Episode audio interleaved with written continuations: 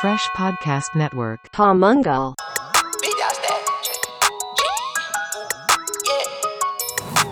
Big dog status, I'm a big dog vet. I pull up on the block in a big Corvette. Yeah. Riding around the city with a stick all black. Uh, try with a stroke, but we ain't with all that. Yeah. אפשר לרוץ, יוסטלה. אנחנו בפנים, פודקאסט המנגל, יזמות פיתוק, שיווק ודיגיטל, פרק 104. תודה לכל המאזינות והמאזינים שלנו ברחבי הגלקסיה. אנחנו צוות המנגל, יוס הגדול וחגי גולדובסקי. מה קורה, יוס? לא יודע מה אתה שואל אותי. כי אני רוצה לדעת מה איך אתה אתה שאני אגיד מרגיש. לך, כאילו, מה, על הפנים, מתחיל לריב מה לא איתי ישר, שחרר כן. אותי. טוב, אז היום באמת פרק מיוחד שחיכינו לו הרבה זמן, אה, ופרק מאוד מאוד גם מרתק וחשוב. אה, אז ברוכים הבאים, קודם כל האורחים שלנו, טל גנץ ורני כהן. תודה רבה. ספיריט, מה העניינים? וואלה, בסדר גמור, חוץ מהשעה הזאת. היום אתה, אה, כן, אבל היום אתה מגשים לי, אתם מגשימים לי חלום, כי זה שני הדברים שאני הכי אוהב בעולם, זה מיתוג ואלכוהול, ואלה האנשים שמחברים ביחד, אז אני כבר אה, הולך לתלות פוסטרים שלהם בחדר. אבל אמרת לו שאנחנו לא עושים טיפול זוגי, זה לא הקטגוריה שלנו. אנחנו לא יודע למה. משום מה באיזשהו שלב תמיד מגיע הסיפור הזה של טיפול זוגי. כן, אנחנו יכולים לחרוג. אנחנו מקרינים. אז מקרינים כנראה תראה, זה בעולם משהו. שלנו אלכוהול, אומרים שהרבה מקרי מוות קרו בגלל אלכוהול. כן. מהצד שלנו אנחנו מכירים הרבה ילדים שנולדו, נקרא כן. לזה, בזכות או בגלל. אלכוהול, כן. אז באמת אה, מומחים בינלאומיים למ- למיתוג האלכוהול, בכלל בעולם האלכוהול זה הביזנס שלכם, תכף גם תספרו לנו קצת אה, על, על הרקע בקצרה, ואז יוס יתחיל עם הארטילריה של הערך. אה, כן, כן, אנחנו רוצים לתת הרבה ערך, וגם בטח. ערך אה, כמה שיותר אה, לאנשים שגם לא מתעסקים עם אלכוהול. ברור. אפשר להוציא הרבה תובנות מעולם אחד לעולמות אחרים. אז באמת, אה, רני, טל, תנו לנו רקע קטן למאזינים שלנו, מה, מה, מה, הרזומה, ההיסטוריה. אה, אתה מזכיר... שעת, לידה. אתה מזכיר לי כרגע, אתה יודע, בן כמה אני, זה קצת בעייתי, אבל אה, אה, לטל אה, ולי ביחד יש אה, כ-50 שנות ניסיון בתחום הזה. יחד. יחד, כן, לא- שלא יבינו לא כל בנפרד, אחד, כן. לא כל כך מבוגרים. אבל אה, כן, שנינו התחלנו בתחום הזה באמת מהאהבה שלנו אה, לאלכוהול, אבל לא ברמה של, אה, אתה יודע, בקבוקים של וודקה לפרק, אלא אה, גם אני בתור אה, נער הייתי, אה, מה שנקרא, קצת חריג, וקצת עוף מוזר, מאוד אהבתי אה, מועדונים, מועדוני אה, מחתרת שהיו בזמנו בתל אביב, ונחשפתי לעולם הזה של המועדונים מגיל מאוד מאוד צעיר. ותמיד הסתכלתי על הברמן כאיזה, וואו, כאילו, היו, את הדי-ג'יי, את הברמן, מבחינתי שניהם היו סוג של האלוהים של המקום. אה, ומאוד התחברתי לצד הזה, יש בי צדדים אפלים, שלקחו אותי ללילה, זה שנקרא, הרבה שנים הייתי בטוח שאני באמת ערפד, כן. וכל יום שהתעוררתי הבוקר תהיתי מתי ההשתקפות שלי תיעלם. לעתים באמת שהייתי קם עם אה, אפלוליות בעיניים, באמת כבר לא ראיתי את עצמי, אמרתי, או, הפעם זה קרה. כן. אבל אה, שנינו התחלנו באמת אה, בעולם הבר יחסית בגיל צעיר, עבדנו כברמנים המון המון שנים, אה, ותוך כדי זה האבולוציה הטבעית שלנו הובילה אותנו גם כן לתפקידי ניהול כאלו ואחרים. גם בברים, גם במסעדות, מלונאות, חברות אלכוהול וכדומה. אני, אני אספר קצת על טל, כן, הנחתום מעיד על עיסתו, אבל אני כן אעיד על עצמי. אה, אז טל גם אה, התחיל כברמן המון המון שנים, ואז עבר אה, אה, תחום הניהול והקמות, מהחלוצים שהקימו ונהלו את המגה ברים אי שם בשנות ה-90, סוף שנות ה-90 ככה. אחרי הרבה שנים בתחום והצלחה, הוא פנה לדרכים אה, אה, מקצועיות יותר בתחום המלונאות, היה מנהל מזון ומשקאות במספר בתי מלון, אה, מלון אלכסנדר, אינטרקונטיננטל, הקים את כל אה, המחלקה של האלכוהול ויין במצודת דוד, ממילה. אה, תוך כדי תנועה היה שגריר בינלאומי של טקילה פטרון, אה, חלק ניכר מההצלחה של פטרון, בעיקר בישראל, זה, אני חושב זה עליו. כן. כן. יוסי, אה, אני חושב שאתה מאוד כן, אוהב את זה הטקילה יותר- הזה.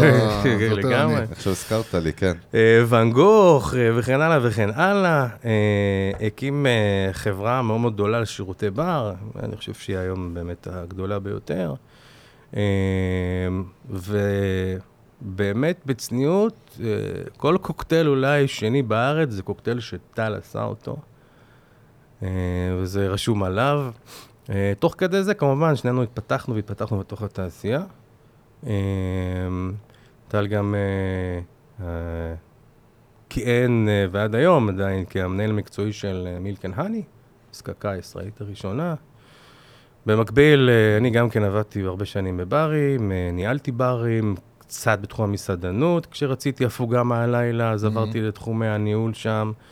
בסופו של דבר התגלגלתי להדרכה בבית ספר לברמנים, מאוד מאוד גדול בארץ. זמן אמיתי. זמן אמיתי, אשתי למדה נכון. שם בצורה מוזרה. בדיוק, פעם. וגם פעם זה היה שם- המקום. כן, עד היום, כן. אה, עד היום, כן. ואז התגלגלתי ואני הייתי המנהל המקצועי של, אה, של הבית ספר, אה, וכעבור כמה שנים, אה, שוב פעם, מה שנקרא, התהליך האבולוציוני הנכון והבריא, הגעתי לחברות אלכוהול, כן. הייתי מנהל הדרכה של חברת הכרם, ואחר כך היה תהליך מאוד מאוד רציני בעולם, תאגיד בשם פנו ריקארד רכש את אה, חברת אפסולוט, שהייתה בבעלות אה, ממשלתית, ממשלת שוודיה. באותם שנים הוודקה השליטה הבלתי מעורערת בתחום. כן. אמ, ואז היה פה shift רציני בארץ, אה, והוחלט על ידי פרנו ריקאר שכל המותגים שלהם בארץ יעברו לחברת טמפו, וטמפו הייתה צריכה, בגלל שהם לא התעסקו כל כך עם כן. מה שנקרא ספיריטים, התעסקו כן. ביין, בברקן, התעסקו בבירה כמובן, משקלים, והיו צריכים אה, מה שנקרא צוות אה, שייקח את זה קדימה, אז הם אה, גויסתי. אה, והייתי חלק מצוות בהתחלה מאוד מצומצם, שהקים את כל חטיבת האלכוהול. רגע, רני, אתה יכול להגיד להם מה זה פרנו ריקארד, חוץ מזה שזה הקונצרן הכי גדול בעולם, איזה מותגים יש כן, שם? תכף נדבר על הישראלים זה. לא מכירים לא, את השם הזה. אני נותן אנקדוטות כי לא, כן, אנחנו, לפתח אותם. אנחנו, זהו, כי אנחנו, אה, אתה יודע, מי שמקשיב לנו, הוא יודע שאנחנו אה, בשלב ההתחלה מזדרזים וממהרים, כי אנחנו מאוד מאוד רוצים להגיע לתכלס. ח- חצי דקה אני מסיים את לא, ה... בבקשה, בבקשה. את לא, הרזומה. אני מסביר. אז uh, בעצם כן, הייתי חלק מהצוות, בהתחלה היה מצומצם, אחרי זה כמובן גדל והתפתח, שהקים את חטיבת האלכוהול של טמפו, אני הייתי אחראי על כל הצד המקצועי, אה, שזה אומר גם ליווי, אה, מה שנקרא מחלקת השיווק, אה, Mhm. באסטרטגיות, בהכשרות, ואחר כך יציאה החוצה לצוותים כמובן. אה, ניהלתי את המחלקה כשש וחצי שנים, אחרי זה יצאתי לדרך עצמאית, ועדיין במשך אה, שנתיים נוספות אה, כפרילנס הייתי, אה, ניהלתי מקצועית את חטיבת האלכוהול. הקמתי חלום ישן, הקמתי בר תוך כדי זה, בר קוקטיילים. ולפני כשנתיים וחצי, אחרי פלירטוט מקצועי מאוד מאוד ארוך, כי טל היה מה שנקרא ספק שלי ושל חברות האלכוהול במשך תקופה מאוד ארוכה. כל אירוע שהיה והייתי צריך אה, צוות מקצועי אה, שיעמיד את הדברים על הרגליים, או תחרויות ברמנים ופסטיבלים, אז טל היה הכתובת. מן הסתם. ואז uh, חברנו ביחד והקמנו את העסק שלנו, ואמרנו שיש לנו, מה שנקרא, הרבה ניסיון מאוד רוחבי, Mhm. וניסינו לזקק אותו תוך כדי uh, תנועה, כי באמת, יש לנו הרבה כובעים בתוך המערכת. ושנתיים וחצי האחרונות אנחנו די עושים חייל, חברה נקראת uh, Liquid Spirit. ואנחנו נותנים uh, ב- במרווח הגדול פתרונות ניהול uh, לכל המחלקות של, uh, בגדול מחלקות הבר, אם זה בתי מלון, אם זה מסעדות, אם זה ברים, אם זה חנויות אלכוהול, רשתות, אם זה עדיין uh, ללוות את כל המקדמים מקצועיים של חברות דרך אגב? האלכוהול. אה, גם יקבים, טל בהכשרתו גם סומליה, אנחנו, יש לנו נגיעה מאוד עמוקה גם ביין, גם בבירות, כל תחומי האלכוהול בגדול, מה שנקרא בלע- בלעזית אה, wine and spirit. אה, אנחנו עדיין עושים הכשרות למקדמים, כמו שאמרתי, מלווים מקצועיים אה, בחברות האלכוהול, אנחנו בונים להם אסטרטגיות, וכן הלאה וכן הלאה וכן הלאה. בקיצר, מבינים דבר או שתיים בתחום. וגם עוסקים. גם עוסקים, אה, מה שנקרא, במתן אה, ליווי ופתרונות והיתכנויות ליזמים, יבואנים שרוצים להיכנס לארץ, וההפך לפעמים גם בחו"ל. טל גם כן אה, עסק בזה. כאילו, לחדור לשוק? לחלוטין, לחדור לשוק, אז אנחנו עושים להם מה שנקרא תוכנית אסטרטגית שלמה, כולל התכנות, החדר- חדירה וכן הלאה וכן הלאה. יאללה, יוסי, טוב, שוט. This is it. כן. עכשיו אתה הולך לשלם על הפתיח הזה. יאללה, קדימה. אה, אנחנו יודעים, אה, מאמינים לפחות, או, חשים שאלכוהול זה באמת אחד השטחים שבהם אה, ה brand של האלכוהול, או התחושה שיש לך כלפי ה brand הזה, היא מאוד מאוד חשובה. הפסיכולוגיה מאחורי לגמרי. המוצר. אה,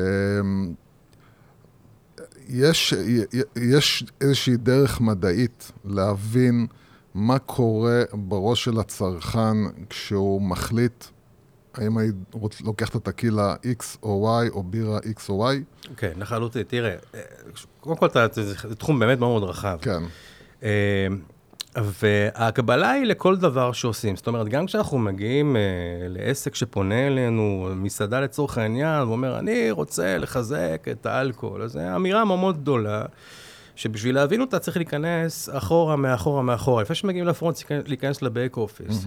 צריך להבין הרבה הרבה כללים לפני זה. וגם כשאנחנו מעבירים סמינר, אנחנו מעבירים סמינרים גם באיחוד בתי המלון, למנהלי מזון ומשקאות, מנהלי לובי, מנהלי ברים, וגם אה, בתחום המקצועי אה, והקדם אה, והשיווק בחברות האלכוהול. ואנחנו תמיד מנסים להביא אותם למחשבה המקדימה, זאת אומרת, להבין את האסטרטגיה מאחורי כל דבר. כי אנחנו נתקלים הרבה פעמים במה שנקרא ניהול אינטואיטיבי. כן. הניסיון אה, מביא אותנו להבנה כזו ואחרת, ולא תמיד אנחנו מבינים למה אנחנו עושים את זה. כן. ואנחנו כן מאוד מאוד מקפידים ללכת רגע אחורה ולהטמיע את הערכים האלו של האסטרטגיה, של המתודיקת עבודה הנכונה, את הפסיכולוגיה מאחורי מה שנקרא השירות, המכירה, המיתוג, מה שלא יקרה, ובשביל שאנשים יעשו את זה בצורה מאוד מאוד אה, ברורה, כי בסופו של דבר, אתה צריך לייצר איזה סוג של, אני עושה עם מירכאות, סוג של ספר נהלים. זאת אומרת, אתה יכול לקחת חברת אלכוהול, חברת אה, הייטק, חברת בנייה, זה לא יקב. משנה. כאשר יש לך את הכלים הנכונים, כן. להבין אסטרטגיה נכונה של מיתוג ושל בנייה, זה לא משנה באיזה מוצר אתה מתעסק. כמובן שטל ואני בעולם האלכוהול, כי מה לעשות, זה לא, משהו ש... דווקא, אני רוצה כן ללכת למותגים עצמם. קודם כל זה מעניין, כי מותגי אלכוהול, יש מותגים שקיימים מאות שנים. זה לא דבר נכון. שאנחנו רואים, בש... יש פה תחומים שלא קיימים מאות שנים, תעשיות, וזה משהו שמדהים לראות איך באמת, קודם כל איך החברות האלה, עד כמה באמת הן מבינות branding, האם הן באמת מבינות branding בצורה כל כך עמוקה ולכן הן מצליחות? זאת אומרת, יש לזה קשר ישיר? ברמת איך מספרות את הסיפור? ת- ת- אני אדבר עוד קצת, תן לי גם כן, לטל- לא, אני שואל את שלכם. טל, זה פרוץ, לא... אה. תראה, יש פלוס ומינוס בכל דבר. גם החברות הוותיקות הללו משתמשות ב outsourcing כדוגמתנו בשביל להבין מה קורה היום. זאת אומרת, זה שאתה מותג אה, ותיק של 200, 300, 400, 500 שנה, לאו דווקא עושה אותך במקום הנכון. כי לפעמים, אה, אתה יודע, אתה נתפס כאיזה אולד סקול, כן, ואתה אבל לא up to מצד שני הם. עשו משהו נכון אם עדיין קיימים מאות שנים. זאת אומרת, לא, זאת אבל, השאלה אבל מה, שלי. שאתה, מה שאתה אומר זה שיכול להיות אה, אה, מותג של אה, אה, וויסקי שמכר את עצמו בצורה מסוימת, ופתאום היום בני האדם צורכים, מחפשים משהו אחר. נכון, זה קורה כל הזמן. מעניין. אוקיי. אבל, אבל לזכותם, כן. לזכותם של החברות ייאמר שהן כל הזמן מתפתחות ומבינות. זאת אומרת, ניקח אפילו מותג ישראלי, אוקיי? לא נלך כן. רחוק. בירה שכולנו מכבי. מכירים, שותים, גולדסטאר. גולדסטאר, סבבה. הבירה הישראלית הכי נמכרת, כן, אוקיי? גולדסטאר לרגע לא יושבים laid back, מה שנקרא, ואומרים, אנחנו מוכרים. כל הזמן יש פעילות מאחורי הקלעים בשביל להבין מה הדבר הבא, מה המהלך הבא, איך הצרכן מתנהג, איך הצרכן החדש מתנהג, כי יש דור חדש. כל הזמן נותנים את הדגש ובודקים את האופציות האלו. עכשיו, כמו שאמרתי, הרבה פעמים משתמשים גם ב outsourcing, בשביל להבין אסטרטגיה, מה תראה, קורה אם בעולם. אתה לוקח חברות כאלה ענקיות, אתה חייב להבין שהתפיסה מתחילה, קודם כל, מתחלקת לשוק חם ושוק קר. אוקיי. כי אלכוהול הוא מאוד סקסי, וסתם משנה תודעה שמותר לצרוך אותו כן. בכל העולם. ובאיזשהו מובן, זה סמל סטטוס של הרבה אנשים להגיד מה הוא שותה. כן. והם חייבים לזהות את זה מעבר, מעבר, מעבר לחולצה, מעבר לשעון, והם צריכים לחשוב על כמה דברים. זאת אומרת, יש להם אסטרטגיות בתוך המוצר לשפה שאנחנו עושים ספר מותג. אני צריך לחשוב איך הוא ייראה על המדף בסופר, סופר, וליד מה הוא צריך להיות. אוקיי. ובחנות היין, איך הוא יוצג. זאת אומרת, זה כבר קהל מקצועי. מעניין מה שאתה אומר, ברמה של אם המוצר שלי הוא פרימיום והוא יישב ליד איזה מוצר זול, לגמרי. יש לזה השפעה על אסור הצרכן? בעליל, כן, כן. אסור. זה, זה נדיר. נקרא אה, אה, הפסיכולוגיה של הפלנוגרמה. אוקיי, איך אתה מסדר? זה לא שאתה מגיע לסופר ויש לך מלא מוצרים מסודרים על מדף. יש אסור. מלחמה שלמה, מלחמה וואלה. שלמה של תקציבים וכסף גדול. על ה placement ברור, בשטח. שטח עכשיו, מדף. תראה, זה קל לנו פתאום להציג לחברה גדולה ככל שהיא תהיה, שהם חיים עם מספרים, אתה יודע, מוצר שאתה לא רואה אותו בשטח, אתה אומר, אה, מי שותה, Chivas. תקשיב, המספרים ב retail, בשוק החם, בסופרים, בשווקים, הוא מטורף, ב duty free טוב, בברים אף אחד אולי כבר לא שותה. אוקיי. ופתאום אתה קולט אבולוציה שאולי אתה לא שם לב, אבל נראה לך בקבוק מלפני 20 שנה, ובקבוק היום, הבקבוק השתנה. הוא נראה אותו דבר, אבל הוא השתנה, התווית השתנתה. כן. אחד הסיבות זה כשהוא עומד על המדף, הוא פתאום נראה דהוי, הוא נראה לא מעניין. ואתה מדלג אותו, זאת אומרת, אני אומר לבן אדם, תביא לי את הבקבוק הזה והזה, והוא, הוא לא מוצא אותו. והוא לא רואה אותו, כן. ואני אומר לו, הנה הבקבוק. מטורף. כדי זה? כך. כן, יש הרבה דוגמאות כאלה? של מוצרים כאלו. אתן לך כן. דוגמה של אה, מוצר, שוב פעם, אני... אפשר לדבר מותגים פה, זה בסדר. הגזמת, כן? זה פודקאסט על מיתוג, אתה יודע. אוקיי, אתן לך דוגמה למוצר שמעולם היין דווקא, שהוא לא נחשב מוצר אה, על, בוא נקרא לא נחשב מוצר הכי איכותי, כן. יש אה, הרבה טובים ממנו, אבל העיצוב שלו היה כל כך אה, סקסי ובולט, שהוא נהיה אחד, מאחד היינות הנמכרים ביותר. אני מדבר על מוצר שנקרא Blue Nun. נכון. Gewürztraminer, יין אה, מתקתק, כיפי, נעים קודם מאוד. כל, לא ידעתי בחיים שהם מבטאים את זה ככה, אני קורא לזה גוורצטרמינר, לא יודע אפילו למה. זה לא Gewürztraminer, Gewürztraminer. כן. וזה עוד אתה זן, גרמני, נכון? שזה יו- זה ריזלינג, אבל לא אמרלד ריזלינג שאתה מכיר מהאולמי בונבון וכל כן. האלה, כן. זה יוהנסבורג ריזלינג, שזה okay. זנים אוקיי. מאוד uh, סקסיים. וגם ראיתי שעשו לו גרסה כשרה בארץ, ופעם לא היה. כן, אתה יודע, ש... זה מקסים לשים תמונה של נזירה וכשר מאחורה. כן, כן. כן מה שחוזר. אה, אפרופו אתם אומרים את זה, אני הבאתי את הבקבוק הזה למישהו לפורים, אה, יודע, חרדי, וכאילו, כן. הוא כן. מסתכל, ואומר לי, זה כשר בגלל הנזירה. כן. היא כחולה. היא כחולה, היא כחולה, זה בסדר. תקשיב, אני חייב כן. להגיד לך איזה משהו על כשרות. היה פעם יין, אני אומר פעם, שנות ה... 90, 2000. זה פעם, זה פעם. קראו לזה, קראו ליין הזה גטו נגרו. אוקיי. זה יין שעולה אולי דולר. עשה מהפכה. בסדר? אבל זה היין הכי נצרך. היה על היין, אתה יודע, מין שרשרת של אה, חתול קטן מפלסטיק. האדום היה גטו נגרו, והלבן היה בלנקו נגרו, אז היה חתול לבן, חתול שחור. כן. תקשיב, כאילו אם אנחנו ארבע בשולחן, היינו צריכים להזמין ארבע בקבוקים כדי שכולם ייקחו חתול הביתה. כן. וזה היה נצרך ברמות הזויות. היין היה לא כן. לא כשר. כשהם עשו לו כשרות, אחד הסיבות של דיני כשרות, שחתול הוא חיה טמאה, והתבקשו אוקיי. לטשטש את סימן החתול מהבקבוק ולהוריד את חתול הפלסטיק. מעניין. הוא נשמע לי. מוזר, דרך אגב, אז- כי... טוב, הוא- אוקיי, הוא מעניין. נעלם מהמדפים. אבל זה מעניין אה, מה כי. החתול היה חלק מהמותג. לא, זה מעניין, זה מעניין. שמה שאתה אומר, שבעצם ה- הקטע הזה של השרשרת עם החתול, זה גרם לאנשים, כאילו, אני רוצה עכשיו את החתול הזה לקחת. זה הקטע. כן, זה סוג של לא אקססורי על כזה. זה כאילו כמו שתיקח לאפל את ה... אתה יודע, את התפוח. לגמרי. לגמרי, לגמרי. אנחנו אנשים של אקססוריז, אנחנו אוהבים את הפיצ'פקסים תקשיב, הקטנים פעם, האלה. פעם, פעם, אני אזכיר לך, היינו עם כזה שגם אוסף פקקים, עזוב, אנשים נכון, אוהבים נכון. שטויות. זה ו- זה זקני אני השבט- זוכרים, כן. יוסי זוכר. ורק עכשיו המוצר עושה קאמבק אחרי שהוא חי עם, אה, תווית מטושטשת. היו. רק עיניים, ראו רק עיניים. כן. תווית מטושטשת, חזר עם מיתוג מחדש, לחזור, להחזיר עטרה ליושנה, מה שנקרא, כן. של המוצר שבזמנו היה value for money מטורף. אבל, אז זהו, אבל, אז אני שנייה חוזר למותג, כן, כן, בדיוק, כן, אז כן. הבלונן הזה, זה מותג שהוא אה, בינוני, בוא נקרא לזה ככה. אוקיי. אבל נכון. בגלל הנראות שלו, מי שלא מכיר בקבוק כחול כזה, הוא נראה- צר, הוא מאוד נראה יוקרתי, סקסי, הוא פרסטיג'. נראה- הוא נראה כזה כן. מאוד סקסי, נראה משהו מגניב שאתה רוצה נכון. על השולחן אה, במסיבה של החברים. וזה נהיה פסיכי. עכשיו, לא בגלל שהמוצר כזה טוב, מהמם. אוקיי? המחיר שלו היה נגיש, כי באמת מוצר נכון, אה, הוא- בינוני, אבל הנראות שלו פשוט עשתה את זה.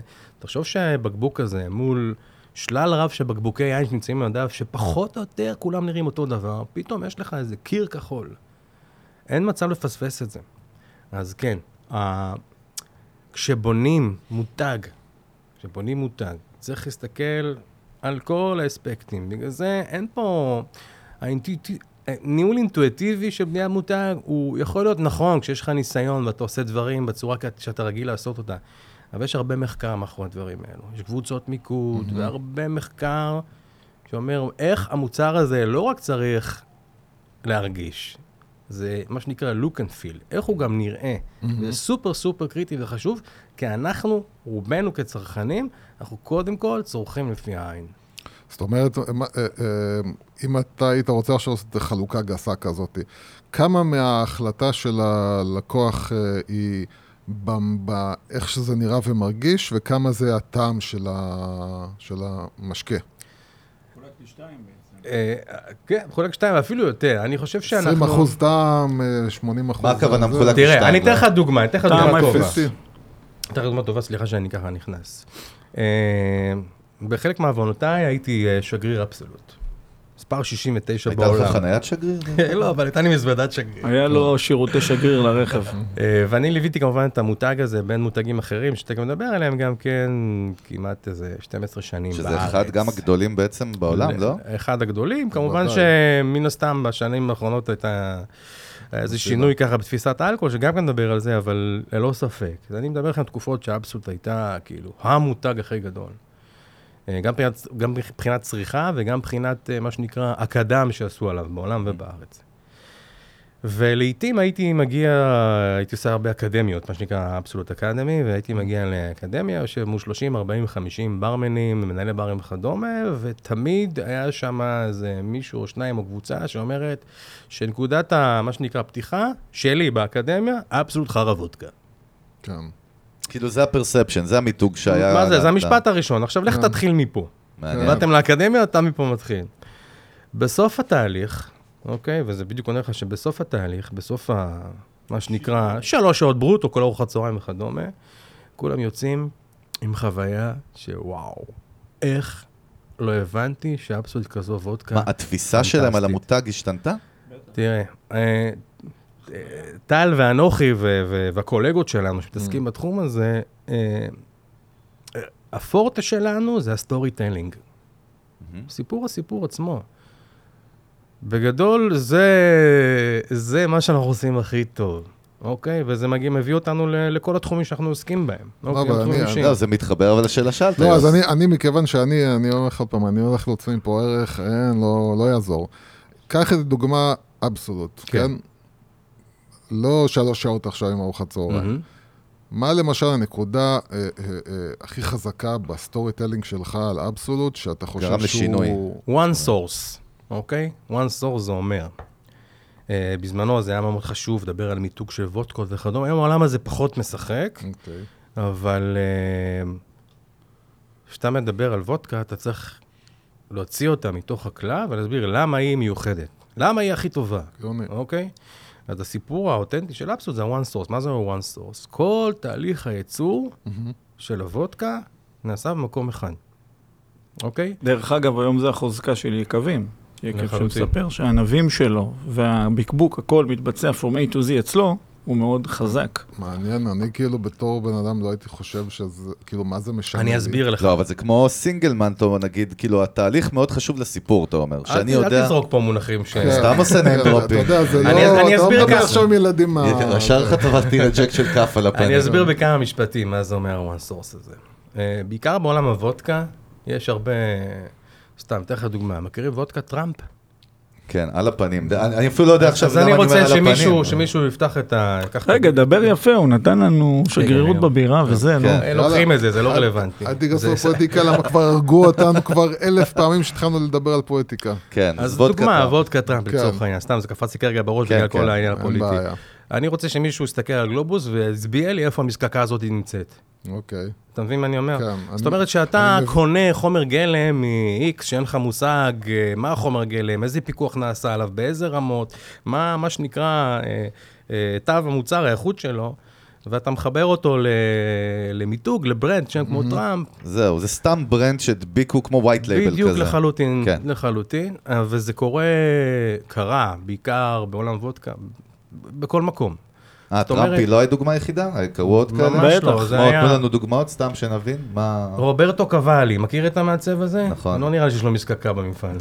כן. ועוד הרבה שמות, נתתי שמות גדולים, אבל, אבל כמעט כל וודקה שנייה שאתה מכיר היום, אה, זה פרייבט לייבל כלשהו. זאת אומרת, הם לא אוקיי. ממש מייצרים. אז אתה יש לא לך יודע מה מפעלי איכות המוצר. בקבק ושק כאלה באירופה, שאתה מביא לו מוצר, אתה אומר לו, אני צריך כזה, בקבוק כמו כזה, מפעל תביא בסין את שמייצר כזאת. שיומי ומייצר גם... והוא את עושה זה, מייצר באותו את זה. מקום וודקה, ליקרים ואקונומיקה. ומה אתם אומרים, שבעצם הצרכנים לא אוכלים את זה? מעניין. לא הצרכנים זה. אוכלים את זה עד שאתה מסביר להם, אוקיי. אוקיי?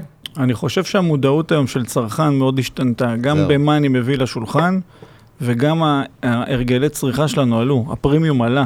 אז זהו, אני, אני, בגלל זה אני, זאת הייתה הבעיה שלי. הרי מה שאתה מדבר על אה, אה, זה שאתה עכשיו מביא אנשים ל, ל, לתת להם איזושהי הרצאה, זה חינוך שאתה עושה עכשיו לאנשים שנכנסים אליך. זה לא אנשים, זה מובילי דעה. מובילי דעה, כן. מאה אחוז. עכשיו אתה צריך לחנך את הקהל, המסות, כאילו. נכון.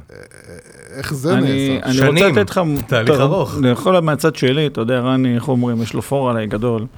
והמון המון שנים, המשקה הבלתי מעורר של ברמן בצ'ייסר מהמם. היה ג'יימסון. סליחה, הוא קרא לי זקן עכשיו? לא, קראתי לך ותיק, לך. חכם, חכם. קראתי לך אוקיי, ותיק עם אה, כן. רישיון אה, אישור חנייה, יודה. נכים וכל ה... סתם. חס וחלילה. בקיצור, המוצר הזה, ג'יימסון. עד לאותם ימים לא היה לו שום פרסום, שום מיתוג, שום דבר. אבל אנחנו כברמנים, בגללו, ידענו שאנחנו שותים אותו. היית שואל ברמן, מה אתה שותה? אה, ג'יימסון. לך? בגללי, בזכותי. כן, כן, זה נגיד- לא, לא. נכון, זה נגדיר את זה כאילו כ-B2B, אני מגדיר את זה. יעני, לברמנים, אבל באמת, אז אותו דבר החברות עושות ברמת השיווק, אתה אומר, בסיפור. שלהם? עכשיו. בצד אחד זה ברמנים, בצד השני זה המנהל מסעדה שנותן את הפינוקים, ובצד השלישי זה אותה דמות, ב... אה, זו אותה דמות באותה חנות יין, שאתה נכנס לחנות יין ואתה לוקח איזשהו מוצר, והבן אדם ישר, ב... בלי, להסתכל, בלי להסתכל, יכול לומר לך, רגע, למה לקחת את זה? אה, כי אני שותה, סתם אני זורק אה, G&B, איזה מוצר של... כן. עכשיו, בוא, בוא, בוא, תשמע. ובלי לדעת למה, בלי שום מענק כספי, בלי שום דחיפה, בלי שלטי חוצות, בלי כלום, כי עשו עליו עבודה. הזמינו אותו, פינקו אותו, הסבירו לו איך זה קורה, הפלא הזה, והוא מרגיש בטוח. תשמע, חברות. האלכוהול מחזיקות אה, צוותים מקצועיים. מטורף. אוקיי, אני ניהלתי כמה צוותים כאלו, ואני בעצמי הסתובבתי ברחבי הארץ, בהדרכות, בסדנות וטעימות. מה שנקרא, יש הרבה אנשים על הפיירול, במיוחד בשביל להגיע לקהל הזה, אוקיי? לא, מאה אחוז, אבל אני, מה שמעניין אותי יותר, זה בסופו של דבר, אה, אני מבין, נגיד שעכשיו יש, אה, שיש לך את השגרירים האלה בשטח שדוחפים את המוצרים שלך, זה נחמד. יש הרבה מוצרים שנמצאים עכשיו בלי השגריר, ואתה צריך לדאוג כאילו ליצור דחיפה של... לא, ה- אז הנה, אני אכניס כל אותך... עניין של תקציב. רגע, רגע, אז בוא ניכנס לדוגמה שהיא באמת קלאסית, שזה וויסקי. לא סתם באמת שאני אוהב וויסקי, אני באמת אוהב חולה על וויסקי, אבל וויסקי כאילו נראה לי שכאילו בעשור האחרון, לא יודע, משהו קרה עם זה בטח, בעולם. בטח. קודם כל, ה-revenue עלו, המכירות עלו של וויסקי, או שזה רק. נראה לנו. כן. אז למה לדעתכם, ובכלל, מה מה זה קורה לא שם למה בשוק הזה? לדעתנו, אנחנו יודעים בדיוק. לא, כן, מצוין. היינו חלק מהתהליך הזה. כן. אה, תראה. אז ככה. אה, כמו שטל לפני זה אמר, וודקה, אם אני מסתכל על השוק המקומי, אה, והולך עשור אחורה, וודקה היוותה כ-70-75 אחוזים. באמת? כן. מהעוגה הגדולה של עולם אני האלכוהול. משפחה רוסית אמנם, אבל חשבתי שזה היה רק אצלנו ואצל ה... לא, זה נגיש, כאילו מוצר שאנשים יחסית אה, זול. ותמיד זה כאילו, זה מזכיר לי. וודקה רדבול, צעירים כאלה, איכסה כזה, לא, בלאגן. אבל זה בדיוק זה, אין פה מה. אתה זה. המיתוג שהיה בראש, אתה יודע. אה, אתה יודע, בוא נגיד ככה, אה, אנחנו לא אירופה, שיש בה מאות שנים של אה, תרבות. של המסורת נכון. וכדומה. אנחנו יחסית מדינה צעירה, ואם אנחנו לוקחים את הדור הקודם, שזה ההורים שלנו, אז איפה הם פגשו אלכוהול? נכון. פגשו אלכוהול בקידוש ביום שישי, בחגי ישראל, וגם אז היה יין, יין פטישים נכון. כלשהו, אוקיי? לדוד שלי היה ברנדי בארון שהוא קרא לו קוניאק. לכולנו. בדיוק. כן. מה 777. כן, אז ככל שמה שנקרא השמיים נפתחו, והקדמה הביאה איתה גם כן את כל אינטרנט. האינטרנט וכדומה, והבנו מה קורה בעולם הגדול, והיה יותר זול להגיע לשם, ונחשפנו, וגם אני, בתור אה, בחור צעיר, ברמן שעובד במקומות, נחשפתי לעולם הגדול, לאירופה, ללונדון, לאמסטרדם, לניו יורק, לכל המקומות האלו ששם, אה, מה שנקרא, הקולינריה הייתה חיה ובועטת אה, עשרות ומאות שנים. פתאום הבנו שיש דרך אחרת, אוקיי? לא רק לשתות איזה וודקה אלסקה לצורך העניין עם אה, מיץ תפוזים, או אשכוליות, אוקיי? או קגלביץ'. כן, אבל אתה מדבר בישראל, אני מדבר עכשיו ב-level העולמי, מה השינוי שקרה, איך זה ירד פתאום, ופתאום וויסקי תראה. התפוצץ. קודם כל, מה שנקרא, גם באירופה, אה, המותגים שהיו נחשבים זקנים יחסית, כמו וויסקי או קוניאק, הפכו שינוי, עשו שינוי מהותי. מיתוג- מיתוגי? מיתוגי מעניין. לחלוטין. אני יכול לתת לך מותגים ענקיים שכבר לפני 20, 15 שנה, 20 שנה, אה, רמי מרטן למשל, או אנסי, שהם בתי הקוניאק הוותיקים והגדולים, כן? אה, עשו shift לעולם הקוקטיילים. זאת אומרת, הם סוג של שחטו פרה קדושה. זהו, וויסקי זה אני משהו רוצה ששותים אותו לקחת כאילו. אותך- גם, כן. וגם וויסקים, בואו. קוקטיילים ו mixers, כן. ואפילו עשו מה שנקרא אה, מוצרים נחותים יותר, שמשהו שהוא היה מבחינתם אוי ואבוי, רק בשביל להתאים אותם, או, ה mixers זה מה שבאתי. לשאול, כי זה לא סתם שזה פתאום קרה, כי היה... לא, זאת לא, אומרת, לא. הם יצרו את לא. הביקוש תקשיב, הזה? NSC, בית הקוניאק המטורף כן. הזה, אחד הלקוחות שאני הכי אוהב, כי זה לואי ויטון מועט הנסי.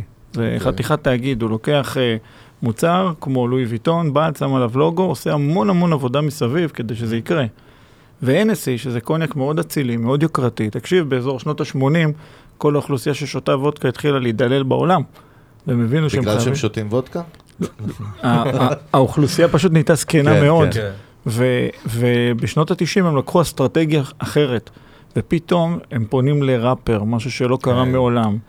וטופק עולה להופעה עם בקבוק של הנסי ביד, שתבין, זה זילות. ומערבבים אה, הנסי אקסו עם קולה, שזה, איך אומרים, זה תמצית ה- תמצית הביזוי. כן. אבל אבל זה איך הכל אומרים? מהלך מחושב, סופר מחושב. תקשיב, תשים לב, ברור. היום. מותגים נקשרים עם מובילי הדעה כן. הנחותים האלה, זה מדהים, לצורך אתה העניין. אומר שמה שאנחנו מכירים עם אינפלואנסרס וכל מיני, כל הדברים האלה, זה עולם מהלך האלכוהול, זה מהלך כמו. ביטס כזה.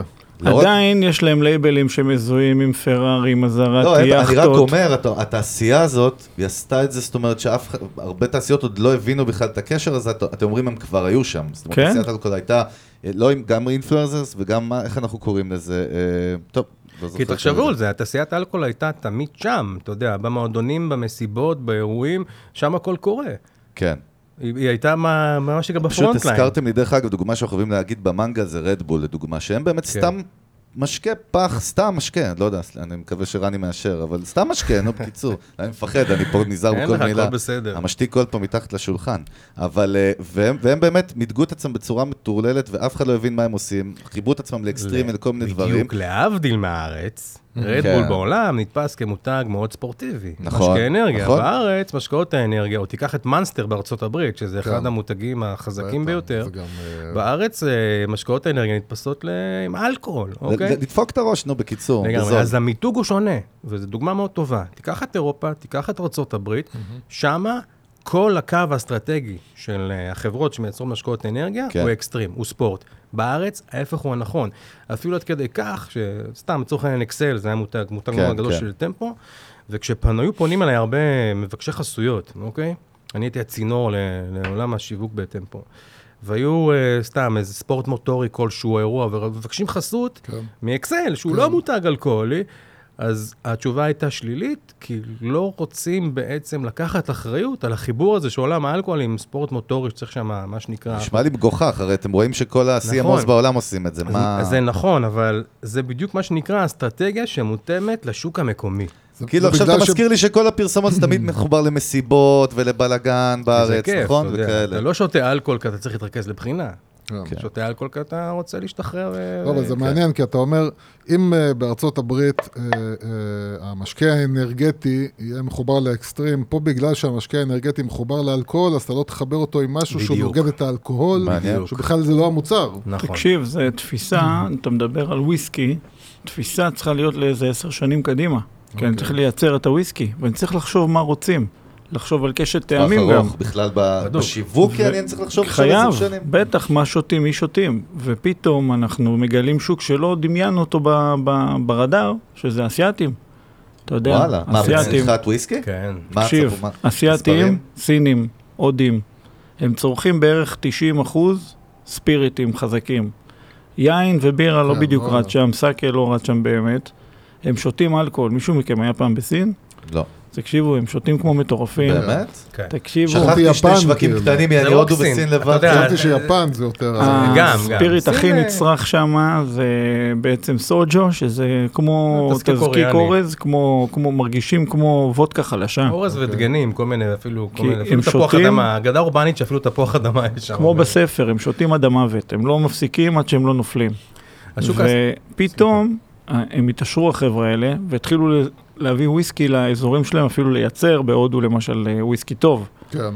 ופתאום קולטים איזה ואקום הזוי של כל הוויסקי לתוך סין, זה נעלם בגלל הגלובליזציה, אתה יודע, פתאום לא היה על המדפים מקהלן, גלנליבט. באמת? כן, כן. ברמה כזאת? נגמר, אין, אתה יודע, זה לא שאני יכול להגיד לך, סבבה, שלח לי עוד uh, גלנליבט 12. כן. אין. פתאום, מה מה? עושים? עושים מהר מה שנקרא non-age statement, זאת אומרת, וויסקי בלי הצהרת גיל, כדי לשחרר איזה מוצר. וקראו לו Founders Reserve למשל, מוצר מדהים, אבל כן, היו צריכים לבנות כאילו sub brand חדש, שיסתיר גם את ה- בוודאי. את ה- ג'וני הבלגן של ווקר. פתאום הוציא מכה של מוצרים ללא שנים. ה Double Black אז לייבל. זאת הסיבה האמיתית? אין לו. וויסקי, בטח, שותים הכל החבר'ה האלה. הודו, היא צרכנית מספר אחת של וויסקי בעולם, והם הרבה. והסינים אותו דבר. ופתאום אנחנו מגלים ברוסיה, נוביגוד האחרון, אתה יודע, זה הרגולטור העולמי. יש לי, לאמא שלי עץ בבית, אדוני, כל שנה. אז זה. אימא של אשתי, אני יכול להגיד לך על השולחן, כבר מי שהייתי מפנק אותם בכל סוגי הוודקות שבעולם, וויסקי, לא דבר איתנו? וויסקי. וויסקי, איזה וויסקי אני שותה, זה עם... לא, אבל מה, שאתה מדבר, עליו זה שינוי בתחושה של, הצרכן לגבי התפיסה שלו, לגבי האלכוהול הספציפי כן, הזה. נכון. כי אבל- הוויסקי, שסתם אני זורק לקוח שלי, של LVMH, אחד הוויסקים שלהם זה גלן מורנג'י, אז גלן מורנג'י פתאום היו צריכים לייצר מהדורות אסיאתיות, שיווק אסיאתי, קוקטיילים אסיאתיים, כל השפה לייצר ecosystem שלם לגמרי, במדינה הספציפית. בסין אוקיי. ספציפית, לא חיברו את רק זה למשל לא ל-. לתחרויות גולף. גולף מאוד מאוד עשיר שם, ומחבר להם את הקהל יעד. משהו שהם לא עשו, כי באירופה הם היו בכלל בתחרויות של יאכטות. אתה מבין? אבל, אבל מה שאתה מדבר עליו, מה שמעניין זה האם משהו אה, גלובלי משתנה בתפיסה של אנשים וגורם להם פתאום להגיד, בואנה, אה, בירה בכלל לא מעניין אותי, אני רוצה וויסקי. או אני אשלם 100 שקל לבקבוק, כמו שדיברנו תראה. לפני הפרק, יין ולא 30 אני שקל. מבין שישראלים יצאו, אה, התחילו לטוס ל- לחו"ל והתחילו פתאום לא, אה, נהייתה לחוות פה גם תרבות, רני, אמרת. אנחנו- מה שאתה אוקיי. מדבר עליו זה משהו בעולם. אה, בעולם. משתנה. אז תראה, אם. אנחנו ואנחנו מסתכלים... מאוד מושפעים. אם אנחנו מסתכלים על בירה לצורך העניין, אה, רק בישראל זה נתפס כאלכוהול. בירה באירופה זה חלק שמלווה את ויין. הארוחה, אתה יודע. בירה יש לי ויין. חבר באוסטרליה, תמיד ספר לי שהוא היה עובד עם מישהו בשדה, והוא היה לוקח בבוקר ארגז בירה ומפרק אותו עד סוף יום אני אתן לך העבודה. דוגמה יפה. אה, קצת לפני הקורונה, ממש אוקטובר האחרון, כן. יצאתי עם משלחת אה, לדבלין. עוד אחת מהנסיעות שלי, זה פעם החמישית למה אתה גורם. לקנא בך כל הזמן, רני? זה לא לא, פייר. לא, זה לא כיף, זה קונקשנים, עניינים, רכבות, זה לא כזה כיף. כן, עבודה. זה חמסה, זה בחמסה מסתובב רמסה. ברגל, ללכת מלא ברים כל הזמן. ובגלל שהייתי שם כמה וכמה פעמים, כי אני, את יודעת, אה, אני ליוויתי את אה, ג'יימסון אה, למעלה מעשור בארץ, אז את כל ההשתלמויות שלי עשיתי שם. אז הכרתי שם, מכיר את דבלין טוב, בואו נגיד ככה, מכיר את הרחוב- רחובות דבלין. ויצאנו ב-10 הבוקר מה- מהמלון, היה לנו כזה יום חופשי, ואמרו, בוא, בוא נלך למרכז הקניות. אמרתי לו, תקשיבו, מרכז הקניות שם זה strip מאוד מאוד יחסית קטן. Mm. בואו נעשה סיבוב ברים לפני זה. אמרו לי, מה סיבוב ברים? 10, 10 וחצי הבוקר. אמרתי להם, אתם לא בתל אביב, אתם בדבלין. כן. טוב, לקחתי אותם לסיבוב. עכשיו, למה הייתי חכם? אני לצערי הגעתי שם אה, עם שן שבורה, אז הייתי על אנטיביוטיקה. אז ידעתי שאני לא הולך לשתות. עד שהגענו למרכז קניות, עברנו עשרה ברים. כשהגענו למרכז קניות, הם כבר התנדנדו. עכשיו, כשאתה נכנס ב-10 וחצי, 11, 12, לפנות, לפנות צהריים, מה שנקרא, כן. המקום מלא. כולם שותים בירות, אוקיי? כולם שותים אה, מה שנקרא, הם קוראים לזה שאץ, לא צ'ייסרים, כן. צ'ייסרים המצאה, די המצאה ישראלית, כן? כן. וככה הם אה, מתחילים את היום. בארוחת צהריים שלהם אוכלים shepherd's pie או fish and chips או המבורגר, לצד בירה. בירה זה המים ששוטף את האוכל. כן. לא מתייחסים לזה כאלכוהול. הצריכה, מה שנקרא אלכוהולית, היא קורית לקראת ערב, ששם הם כבר צורכים uh, hard liquor, ספיריטים, אוקיי? אז התפיסה היא טיפה שונה. עכשיו, העולם הזה עשה shift בכמה סיבות. אחד, כי באמת המותגים הגדולים של תחום הוויסקי והקוניאק עשו מה שנקרא, הבינו שהם צריכים לכוון לקהל צעיר יותר, כי זה הקהל שמניע צריכת האלכוהול. וזה באמת עשו מהלכים אסטרטגיים ושיווקים גדולים. לכן גם הרבה קהל יותר צעיר נחשף למותגי וויסקי שהיו נתפסים כזקנים. כן. אה, שיבה, סבא שלי הזה, אה, כן, היה לו ב- בארון, אוקיי? נכון. או סינגל מלטי, מי יכל לקנות סינגל מלטי? אפילו בארץ. היו מביאים מחו"ל, אני תמיד זוכר. נכון, תמיד בחור, כן. דיוטי פרי, דיוטי פרי, דיוטי פרי, נכון. אוקיי? וואו, איזה בקבוק יש לי, בקבוק, אה, אתה יודע, אין וראוס. שומר אותו בארון ל special occasions, כן. זה היה יקר מאוד, היה. shift כזה, ואם מדבר איתך לארץ, אז לפני כך וכך שנים היה- הייתה רפורמה במס. שהרפורמה נכון. במס בגדול, פעם המס היה איזה חיבור כזה נורא נורא אה, מתמטי מוזר של אה, יוקרתיות המותג, וככה אתה. קובע, משהו כזה, כן, אם אתה מותג. יוקרתי, אתה משלם כך וכך מס. והיה איזה shift, שה shift בגדול, במילים פשוטות, אמר, אתה משלם לפי כמות האלכוהול ונפח האלכוהול שלו, לא לפי היוקרתיות שלו. מה שקרה זה שהמשקאות המאוד מאוד יקרים, ממש צנחו ביותר מ-50 אחוז, אוקיי. והמשקאות הטיפה יותר אה, זולים עלו טיפה. זאת אומרת, וודקה טיפה עלתה, בארץ בעיקר, מה שנקרא, המוצר שהכי נפגע מזה, זה ערק. ערק, כן. בדיוק. באתי לדבר איתך היית קונה. בקבוק ב-12-18 ש... אה, שקל, ופתאום זה קופץ ל-50-60, אז זה כן. קצת בעייתי. רגע, אבל באמת, עכשיו, קודם כל זה חידוש. הקטע, באמת, נגיד ערק לדוגמה בארץ, זה באמת המחיר הוא נטו השתנה בגלל מה שאתה מדבר עליו? לגמרי. לא בגלל צו ביקוש? כי בדיוק דיבר, דיברתי עם מישהו השבוע, ואמרנו, תראה איזה קטע, ערק פעם היה נתפס. משקה של, אתה יודע, כאילו מזרחים כזה, המבוגרים בבית כנסת, נכון. המתנדנדים, לא מגניב. ופתאום אתה רואה כזה בשנים האחרונות, אין בר בתל אביב ואין איפסטר שלא שותה את הערק, פתאום אני רואה מותגי ערק שלא הכרתי בחיים, עם כאילו דיזיינים מגניבים ולא רק את נכון. האיילה. למה זה קרה, יש השינוי לזה הזה? שתי סיבות, יש שתי סיבות. הסיבה אחת שאנחנו לא יכולים להתנתק ממנה, זה המסורת. המסורת שלנו, השורשים שלנו, כולם אוהבים להרגיש בבית אבא, מה שנקרא. נכון. וגם אתה רואה את זה בחברות אלכוהול, שיש שם שני קווים מנחים. אחד זה מסורת והשני זה חדשנות. ומותג גדול שמשכיל להבין איך לשלב את שני הפרמטרים האלו ביחד, הוא מותג שמצליח. זאת אומרת, אתה צריך מצד אחד לתת את המסורת, את החיבור השורשי המאוד מאוד עמוק, עמוק כן. למותג, מצד שני צריך להביא משהו מאוד מאוד חדש ו- ועכשווי. ערק, זה קרה שם. עכשיו, זה קרה בהתחלה... זה לא קרה, זה נראה לי לא מתוכנן, אבל נכון? זה מעניין, זה בא נכון. מהקהל, מהבייס. תראה, בהתחלה זה קרה. כאילו. אתה יודע, חבר'ה, מה שנקרא לזה, פלורנטינאים כן, תפרנים. כן. שאומרים, אה, אוקיי, אה, בא לי צ'ייסר ליד הבירה, מה המשקה הכי זול שלך כן. שידפוק לי את הראש? כן. ערק. אוקיי, גם הערק יש בו אה, חלק מהתהליך, זה בעצם, תלוי, כל ערק עושה בתהליך שלו, אבל יש שמנים שנמצאים באניס, אוקיי. אוקיי? והשמנים האלו, ב- חלק מהתופעות שלהם זה סוג של אה, הלחוש.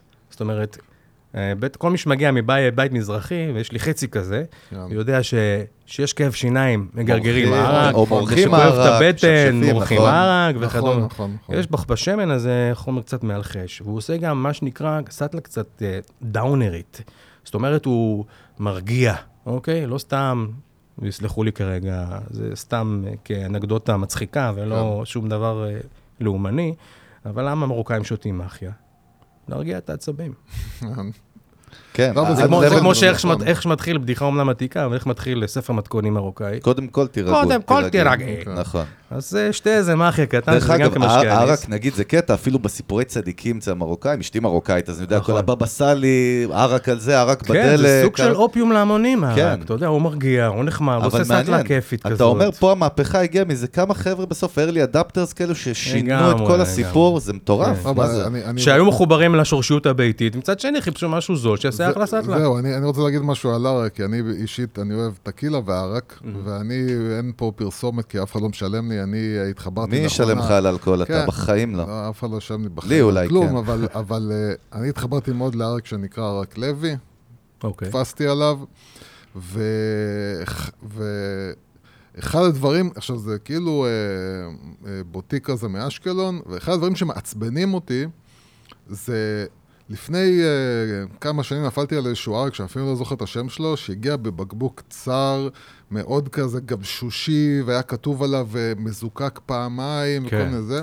וכאילו הערק לוי הזה הגיע, סתם בקבוק. ואני כאילו אומר, בואנה, מה, אתם לא מבינים שזה משפיע? אתם לא מבינים שכשאני מסתכל על ערק, וכתוב עליו ערק לבנוני, למרות שבטוח שלא הגיע משום אה, לב, זה כאילו משפיע, וכאילו אתה לא, אנשים לא מבינים את זה, שמים את זה סתם עם איזה תווית, בום, בבקבוק אתה סתם. מתכוון חברה מסוימת, מה זה כן. אנשים? חברה, כן, אני- אבל... אני יכול אבל לומר- יכול לומר זה אתה לך- מסיק כאילו גם על הרבה אחרים. אני כן. יכול לומר לך שאתה מפתח מוצר חדש, מוצר חדש, מהמם. או לצורך העניין, כמו שטל אמר לפני זה, אתה עושה את התווית up to date, זה יכול לקחת חודשים ארוכים של פינג פונג, אוקיי? וזה לפעמים מותאם לפי השווקים המקומיים. אוקיי. אבל אני הייתי, אתה יודע, חלק, אה, חלק מקבלת החלטות כאלו.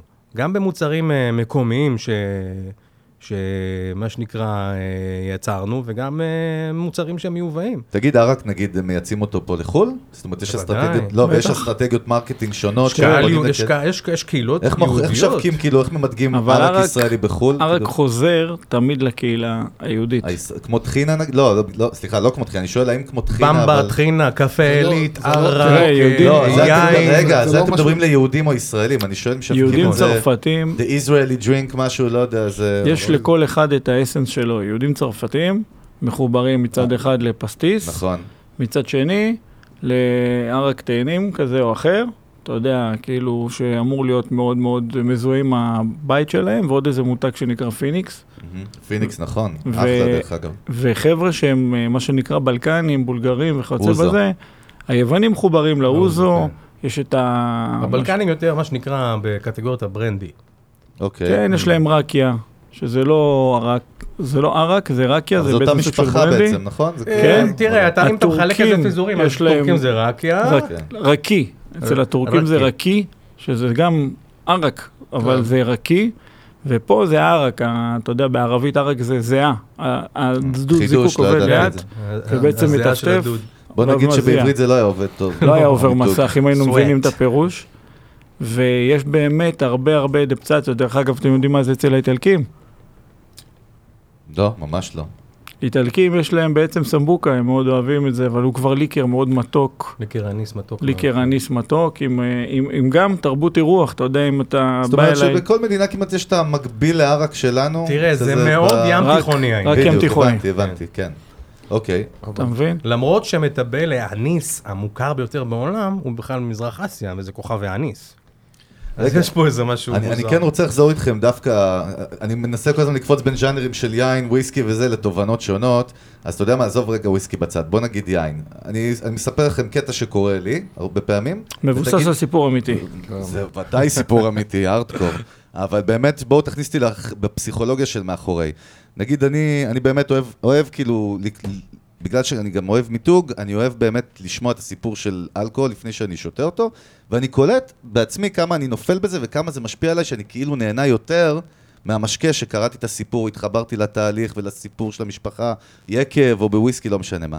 אז לפעמים אני אקנה איזה יין של 150 שקל, 200 שקל, איזה יקב בוטיק ישראלי, ושאני אגיע איתו לשולחן, נגיד שהמשפחה וזה, והם לא אכפת להם. זאת אומרת, מבחינתם זה יין של 30 או 150, אני מתבאס לשתות את זה איתם. אני גם, אני יודע שהם לא אכפת להם מזה, והם אומרים לי שהם לא מבינים מה הסיפור בכלל, ואז אתה אומר, למה בזבזתי עליהם 150 שקל? אז זה חלק ממה זה, ממה זה נובע יש כל לי הסיפור חבר, הזה. חבר טוב, כן. שמדי פעם אנחנו נפגשים, אחד לשבועיים ככה הוא מגיע אליי. והוא, כמו שאתה אומר, אה, לא ענין טעם, הוא יכול לשתות נפט. עכשיו, לי יש, יש לי אוסף בבית של בקבוקי וויסקי. שותה מה שמוזגים. מה שהם מוזגים, כן. כן. יש לי אוסף בבית של בקבוקי וויסקי עם כל השנים שהסתובבתי גם בעולם, סקוטלנד, אירלנד וכדומה, מהדורות מיוחדות, בקבוקים, אתה יודע, שעולים לפעמים גם אלפי שקלים וכדומה. הוא גם אוהב לשתות כשהוא מגיע אליי. זה חלק מהמסורת אצלי, אנשים מגיעים אליי, תמיד מוזגים משהו, יש לי איזה 200 בקבוקים בבית, כן, גם לטל. אתה- אתם נכנסים לבית שלנו, מה שאתם רואים זה בעיקר יש לך אלכוהול. מזל שלא עשינו את הפרק אצלך בבית. לגמרי.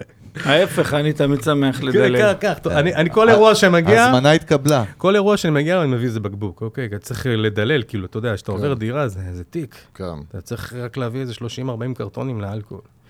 עכשיו, אה, אז כל פעם שהוא מגיע, אה, מה אני יכול למזוג?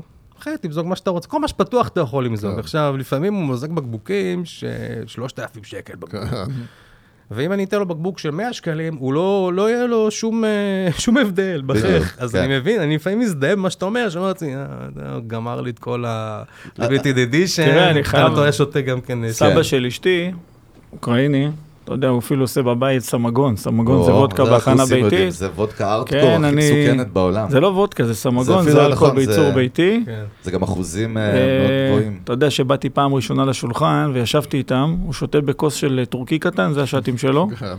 ואני אומר לו, כן, בוא, אני אשתה איתך, ואתה יודע, משפחה כזה, עושים לי נכון? מתחת כזה, לא, לא, לא, אל תשתה איתו, ואני, זה קטן עליי, אני מי רואה אותו בכלל. ותשמע, לא הרגשתי שלוש אין את האצבעות ברגליים, כאילו היה שם איזה נתק. אז הייתי מביא לו כל פעם איזה וודקה, אני מדבר איתך מהדורות מטורפות שמגיעות אלינו, ואשתי הייתה אומרת לי, מה אתה מביא לו? זה לא מעניין אותו. אתה יודע, עד שיום אחד הוא בא, לקח איזה וודקה שהוא קנה נראה לי באחד הרשתות למגזר רוסי, כן. שעולה גג 40 שקל, כן. איזה מותג סופר נמכר שם, זה לא נאמר כזה, כאילו הוודקה הכי נמכרת שם. אתה מריח את הציטונים, מה... כן. והוא שותה ואומר לי, זה וודקה. כאילו, מה שהבאתי לו עד עכשיו זה חרטא. ולא הפסקתי אז, להבין. אז בעצם למה כל זה קורה לנו? זה הכל חלק מהעולם של פסיכולוגיה ומיתוג בראש. נכון? לגמרי, לגמרי. הוא קהל שעבר סוג של קרווש אחר. לא, אני רוצה לאתגר אתכם. למה אני רוצה לאתגר אתכם? כי אם תהיה מרצדס עכשיו, בחוץ, ליד סובארו, כן. והוא ייכנס אליה, הוא ירגיש שהוא במרצדס. זאת אומרת, זה כל בן אדם ירגיש. אבל בוויסקי הזה של ה-500 שקל, או לא יודע מה, כאילו, לא כל אחד יעריך את זה. אז פה מאחוריך, איפה שאנחנו יושבים עכשיו, יש מרכז מבקרים של אה, לא מילקן אמרנו האני. איפה אנחנו אה, נמצאים בכלל. נכון, קודם נכון. כל, רני, תרים למקום. אז, אז ש- שני דברים שונים. כן. אז קודם כל אנחנו נמצאים במקום שנקרא אורקה.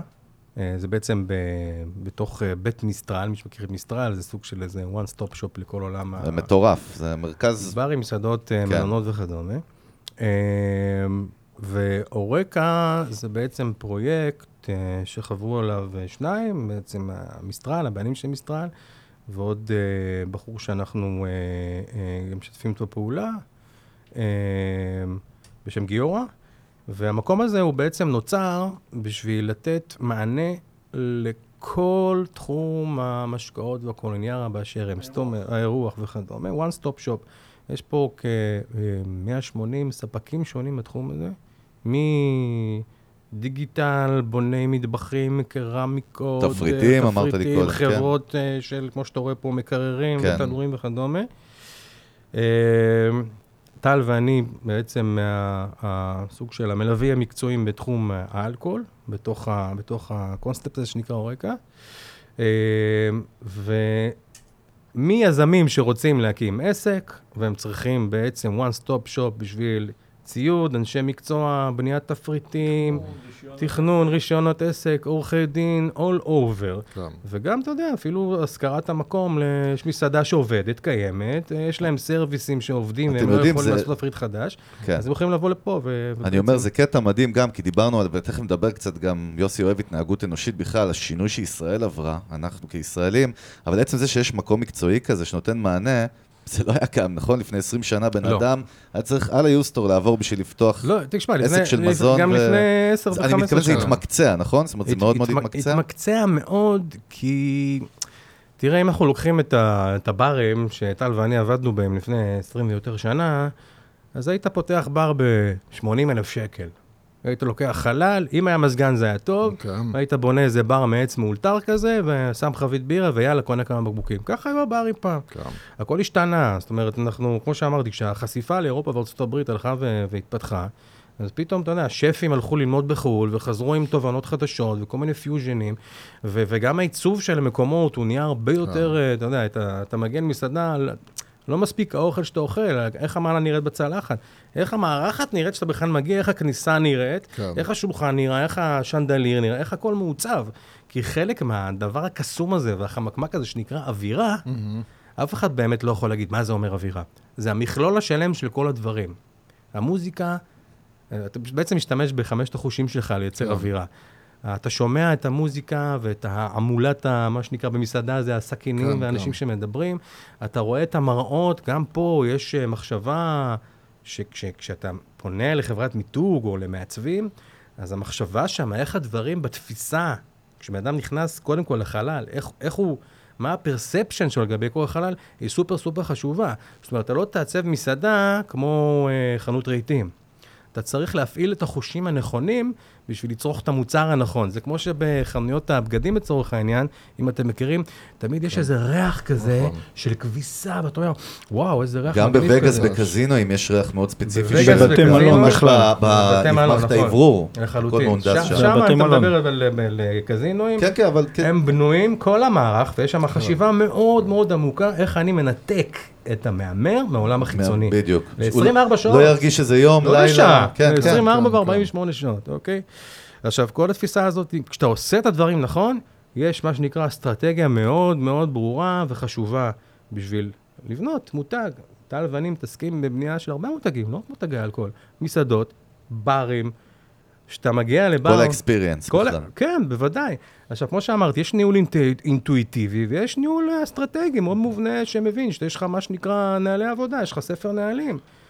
אז מה, מה למשל, אתה יודע, רגע, מסעדות... אבל אבל טל גם היה באמצע דוגמת המרצדס, לא סיימנו אותה. או חוזרים סיימנו לזמות. אותה. אין בעיה. לא, אני אגיד לך, אני- סליחה יוסי, אני מתנצל, ממש מתנצל, אבל תזכור רגע את אתה השאלה. לא באמת מתנצל. ברור שלא, אתה מי אכפת זה. בכלל? תקשיב רגע, אני באמת נתתי דוגמה רק של... כנות. יש כאילו מותגים כמו נגיד מרצדס שכולם יעריכו את זה. נכון. למה- למה באלכוהול, כאילו, יכול, שני אנשים זה- שונים, אחד יעריך, אחד יגיד, מה זה הפח הזה? שואלים יש שם הרבה אבל זה סוגים אותו של דבר, וויסקי. גם במרצדס, זה לא נכון מה שאתה רוצה אומר. לגוון. לא- לא מדויק, כאילו. דייק אותי, בבקשה. עדיין יש ככה, אני רק BMW, אני רק מרצדס וכדומה. עדיין, גם פה יש את העולמות האלו, וזה כמו אוקיי. בוויסקי לצורך העניין. אני רק לניבט, אני רק או למורלג'י, אני אני רק אמריקאי, לטיפ וכדומה. אני כאילו... גם וגם. ברבן, או אני... גם וגם, יש הרבה אנשים אוקיי. שמכיר שלא ייסעו על רכב גרמני, או רק אמריקאי, אתה יודע, יש פה הרבה... אז רגע, אז אתה יודע, זה חוזר לשאלה הראשונה של יוסי, באמת זאת שאלת השאלות באלכוהול. בסוף בן אדם נכנס סתם, אני אומר, בן המשקאות, הטורקי, היום יש לך, כן.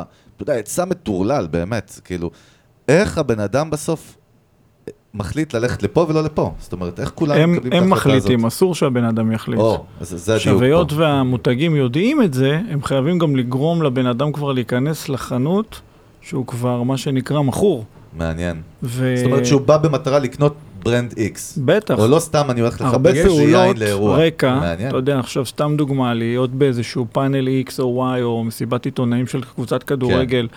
או, או בחתונות פתאום להיכנס עם איזה מותג כמו ואן גוך, אתה יודע, לצעוק כן. אותו בחתונות.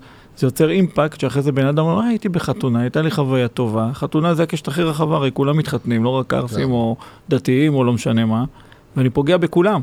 ואז וואלה, היה לי כיף, אז אני אקנה את זה בבית. כי הכל בסוף מחובר לרגש, והרגש היה שמח, כי זה חתונה. כן, אבל עכשיו תמיד מזכיר שבישראל תמיד אולמות אירועים, אני אזכור תמיד ברקן עולה, לא שאני מזלזל דיסרספקט. כי ביין הם לא עשו את העבודה שאתה מדבר. מעניין, כי פה. אנחנו מדברים על המוצר האקסטרה, לא, המותרות.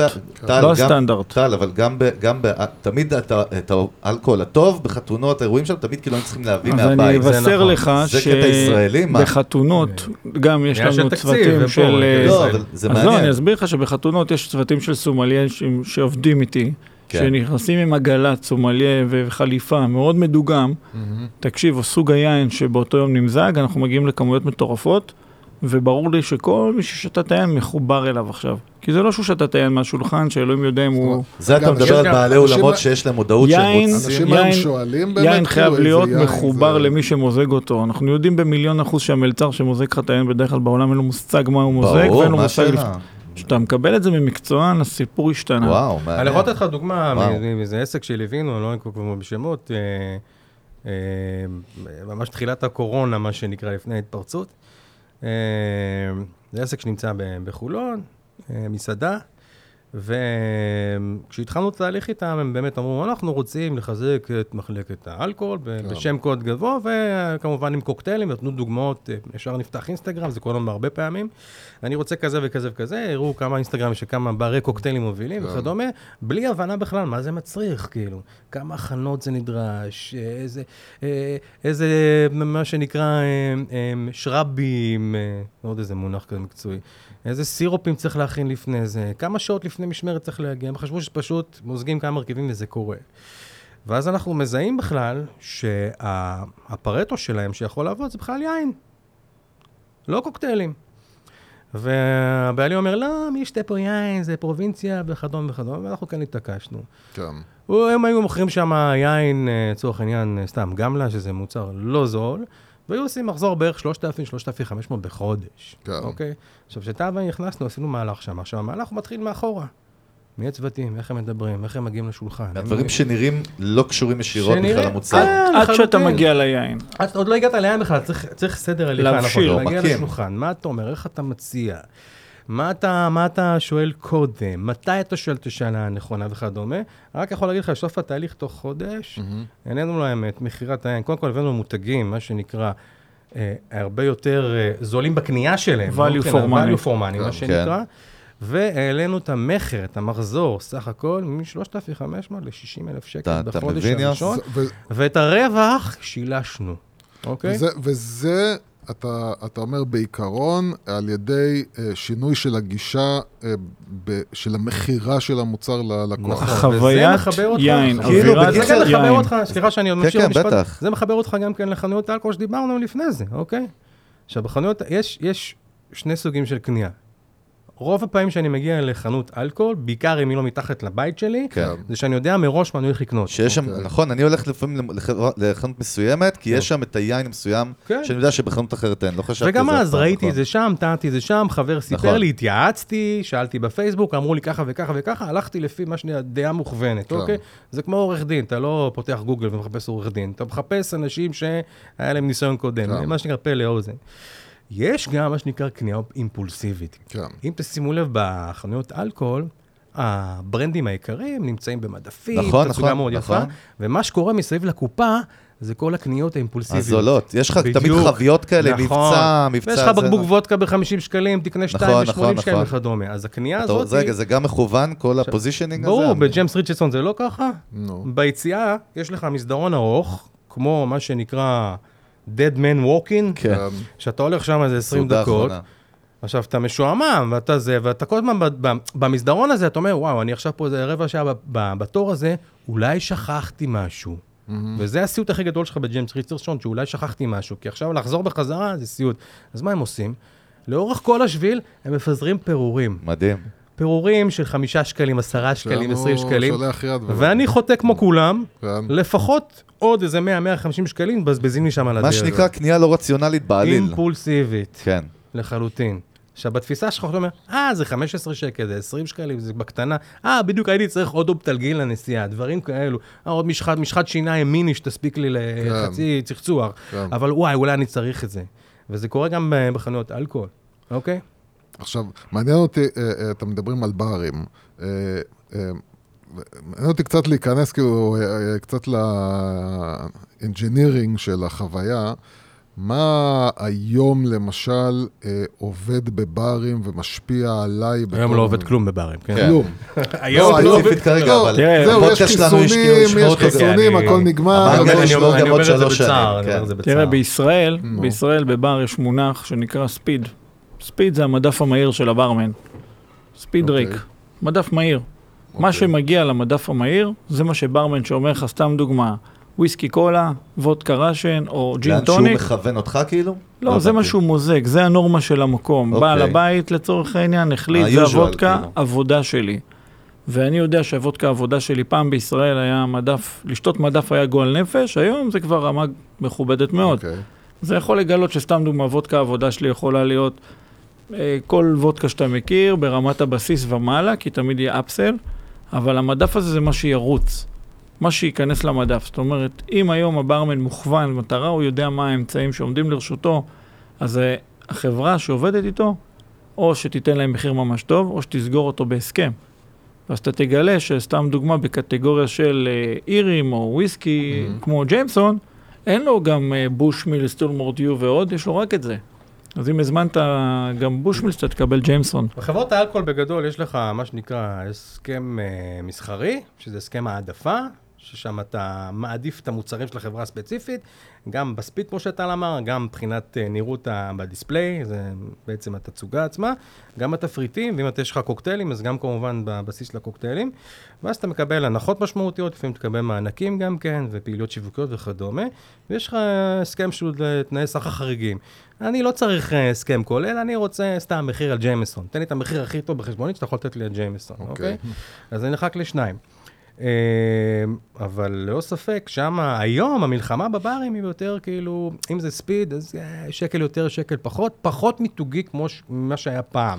אבל אני, השאלה שלי הייתה קצת יותר רחבה. אה, שוט. מעבר לאלכוהול, אתה נכנס אה, אה, לבר היום, אה, יש דברים שה...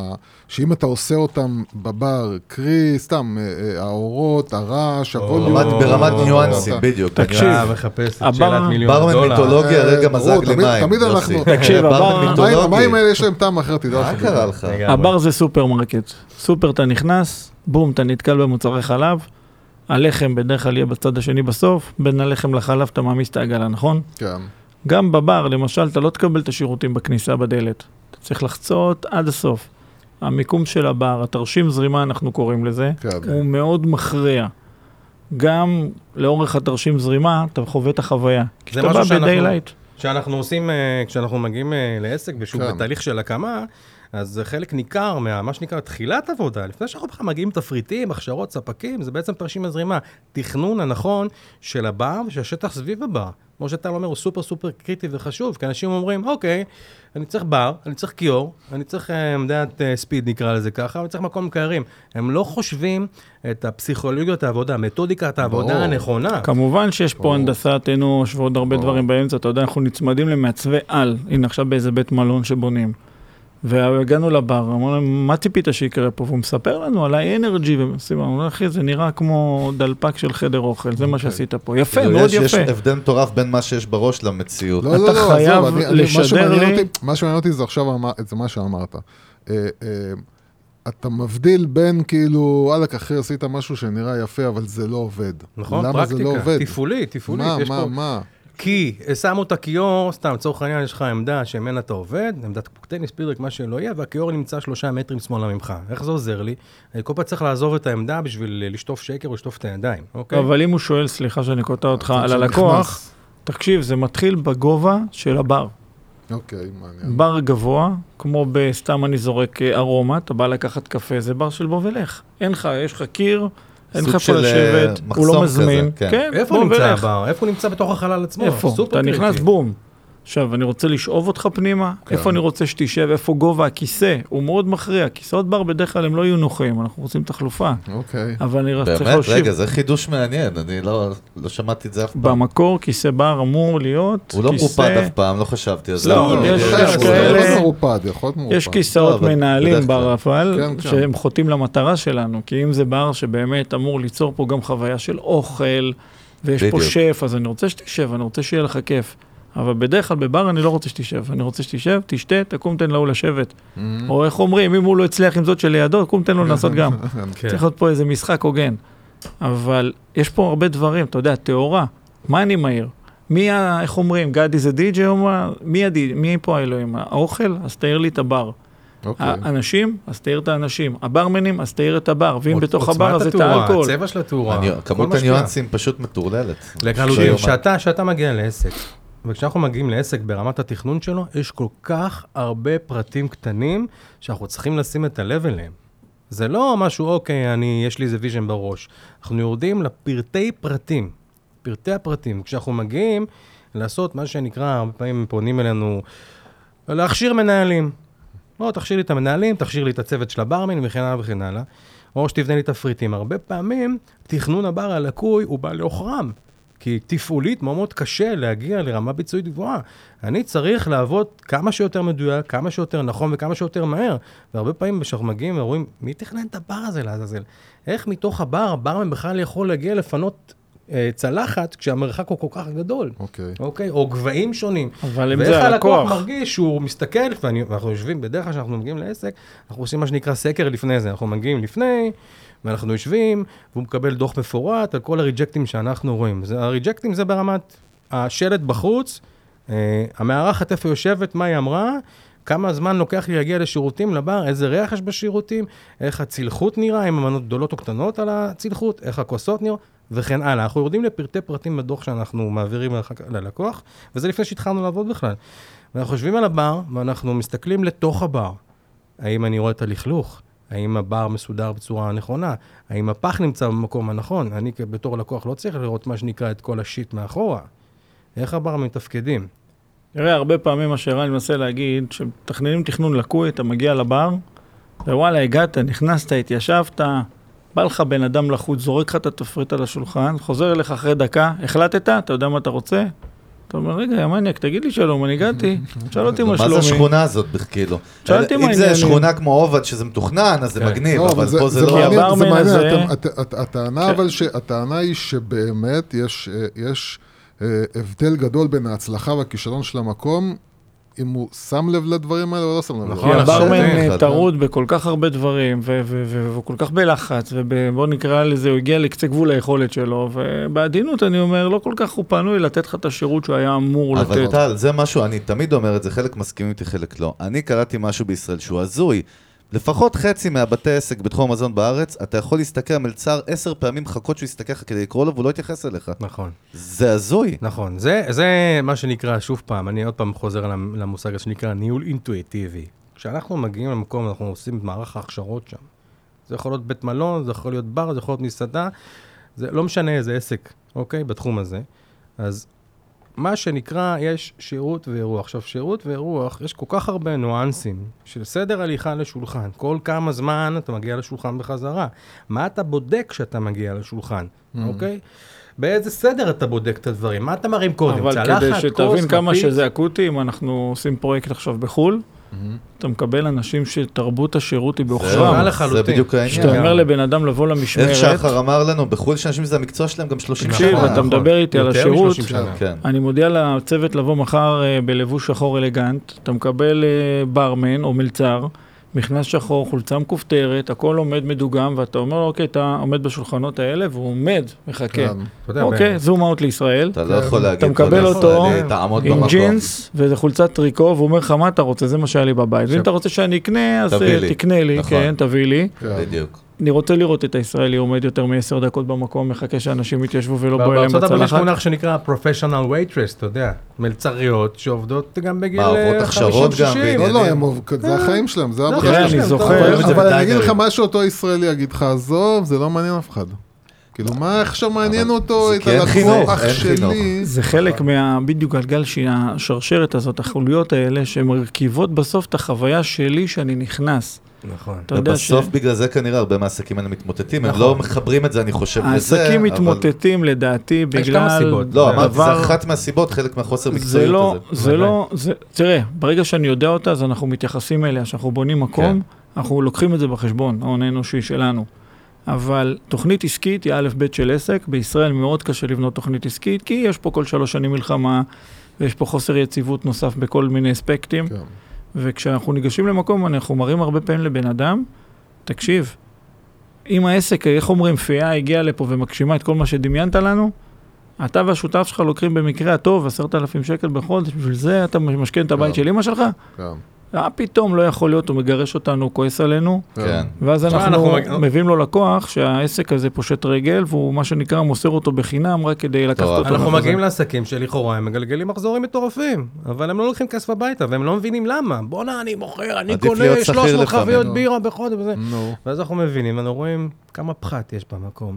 שהכוסות, לא משתמשים בכוסות נכונות, וכמה זמן לוקח בין הקטע שהבר ממוזג ועד שהמלצרית לוקחת, וכמה זמן לוקח להגיע לשולחן, מה מצב הקצב שמגיע לשולחן, כמה בירות חוזרות שהם לא לוקחים את זה בחשבון. אבל רני, לא זה מה שאני אומר, בלי. להיות מקצוען, אתה לא תדע את הדברים האלה זה בדיוק העניין. יתרה מכך, כשאנחנו מגיעים לנקודה, חלק ניכר ממה שטל ואני עושים זה אפסיילים. אתה יודע, הדבר הכי נוראי שברמן יכול להציע ללקוח היום, וזה מה שקורה כמעט בכל הברים, זה צ'ייסר. זה כן. דאון מה. כלכלית? ברור. אם אני בא ואני בראש אני רוצה לשתות וודקה או ג'ין, והברמן באופן אינטואיטיבי אומר לי, מה אחי, צ'ייסר? וזה מה שקורה ברוב הברים. כן. רגע, זה אינטואיטיבי או שהבוס שלו אמר לו, אתה מה צריך לא, לא, פתאום? לא, לא, לקנות לא, צ'ייסר? לא, לא, זה-. הרוח במקום, אבל הבוס. כבר לא שם. אני אתן לך. דוגמה, יש לך כן, כוס- זה. גם נקודה חשובה. יש לך, יש לך מה שנקרא נקודת מכירה וזמן מכירה. יש לך לקוח כרגע על הבר, זה לקוח מבחינתך. לקוח, כן. אורח, יש לקוח. כן, כן. זה כסף, זה עמדת כסף, אוקיי? כן. בעמדת כסף הזו יש בה שני פרמטרים, כמה הולך לבזבז וכמה זמן הולך לשבת פה, כן. אוקיי? צריך להבין את הנקודה הזאת.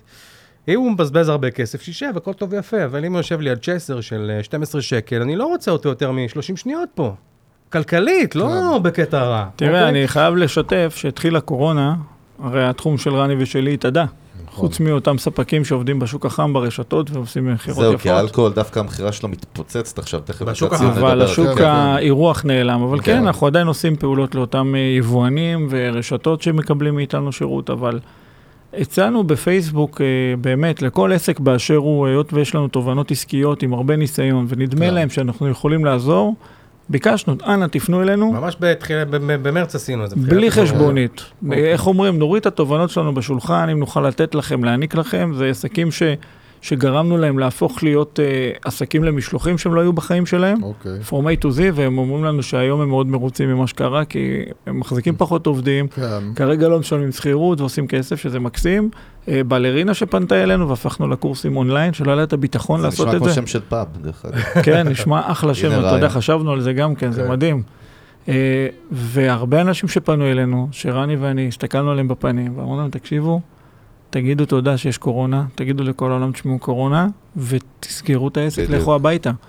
חלקם היה להם קצת קשה, אנחנו התקשרנו לבעלי עסקים, בשמם, כן. והצגנו להם את המצב, אמרנו, תקשיב, והלכנו גם לפגישות, לצורך העניין, בשביל להוציא אנשים אה, מחוזים שהם חתמו. כן. זה, זה מצחיק, זה מה, היה לנו איזה זוג מדהים מבאר שבע, שרצו לפתוח את החלום שלהם, וחסכו כסף, וכבר מצאו מקום, כן. ו... וחתמו על חוזה שכירות חתמו על מאוד מאוד חוזה גבוה. דרקוני מאוד, ו- ו- והכל נראה טוב ויפה אם אנחנו מתייחסים ללפני. ו- ובעל העסק כבר רוצה לסיים את הגרייס, להתחיל לגבות את החודש הראשון. תקשיב, נסענו אליו בחור איש עסקים ממולח, שסובב אותם ואותנו בהתחלה על האצבע, ואמרתי לו, תקשיב אחי, זה הסיפור בפנים. או שאתה הורס להם את החיים לעשר שנים הקרובות, והם יצטרכו לצאת מזה, שיהיה להם קשה מאוד, אתה כן. הולך לשנות פה את המצב הזוגי בטוח, כן. ואין להם מאיפה, זה המצב. או שאתה מניח להם ללכת, תוריד את ההוצאות שנדמה לך שיש לך, תקשיב, הוא פשוט, הם חזרו אליי באותו יום שהוא פשוט שחרר אותם מהחוזה. ואיך אומרים, גם- חזר להם החיים. גם נחמד לשמוע שיש שעל הנייר זה מאות אלפי שקלים, אבל לפני זה בכלל, כשהם פנו אלינו, הם פנו בכלל אה, שנבדוק להם את התוכנית העסקית שלהם. אוקיי. שהתוכנית העסקית, לקחו איזה יועץ אה, עסקי וטיפ כלשהו. חשוב, אם מישהו או, מקשיב עכשיו. לא, קודם כל סופר, מקשיבים לך. עכשיו עשרות לא. אלפים, אז... לא, לא, אה, לא, בסדר, לקחו מה שאתה איזה- הולך להגיד עכשיו נשמע לי לא, שזה לא. מאוד חשוב אה, לשמוע. ואנחנו מאוד נתקלים. בזה לא כן. פעם, לא פעמיים. בעיקר החבר'ה הספציפיים מהם שהתחלנו לדבר עליהם. לקחו איזה יועץ עסקי כלשהו, שאני לא יודע באיזה תחום הוא בעצם, כן. פיננסי הוא יועץ. מייצר הלוואות. כן, מייצר הלוואות, ועשה להם איזו תוכנית עסקית לקרן להלוואה. עכשיו, התוכנית העסקית הזאת היא לא קשורה בכלל לעלויות המציאותיות בשטח. כן. זה טוב לבנקאי שקורא אותה זה טוב אולי. לבנקאי שקורא, אוקיי, יופי. האינטרס שלו לא תמיד זה לאינטרס של מי שבא אליו ללקוח, לא, זאת לא, הבעיה אתה בעולם הזה. מדבר על בן אדם שגם לא מכיר אולי את השטח בכלל. נכון. אנחנו בעצמנו יוצאים פה כל הזמן על יועצים שלא באים מתחומים מקצועיים והם מייעצים, או שלא עברו את הדרך, זה בעיה. כן. יש הרבה כאלה, מה? אז חלק מה- מהשירות שאנחנו נותנים זה גם כן היתכנות, היתכנות כלכלית, אם זה למותג חדש, אם זה לבר, אם זה לכל חברה שהיא, אוקיי? וכשעברנו על התוכנית הפיננסית שלהם, של הקרן ההלוואות, הבנו שאין בכלל קשר בין מה שכתוב למציאות. ברמת הפשע, כן? ברמת הפשע, ברמת האם אתה הולך על זה, אתה תוך שיבינו. חצי שנה בחובות של עשר שנים, כי אתה ממש לא בכיוון, אוקיי?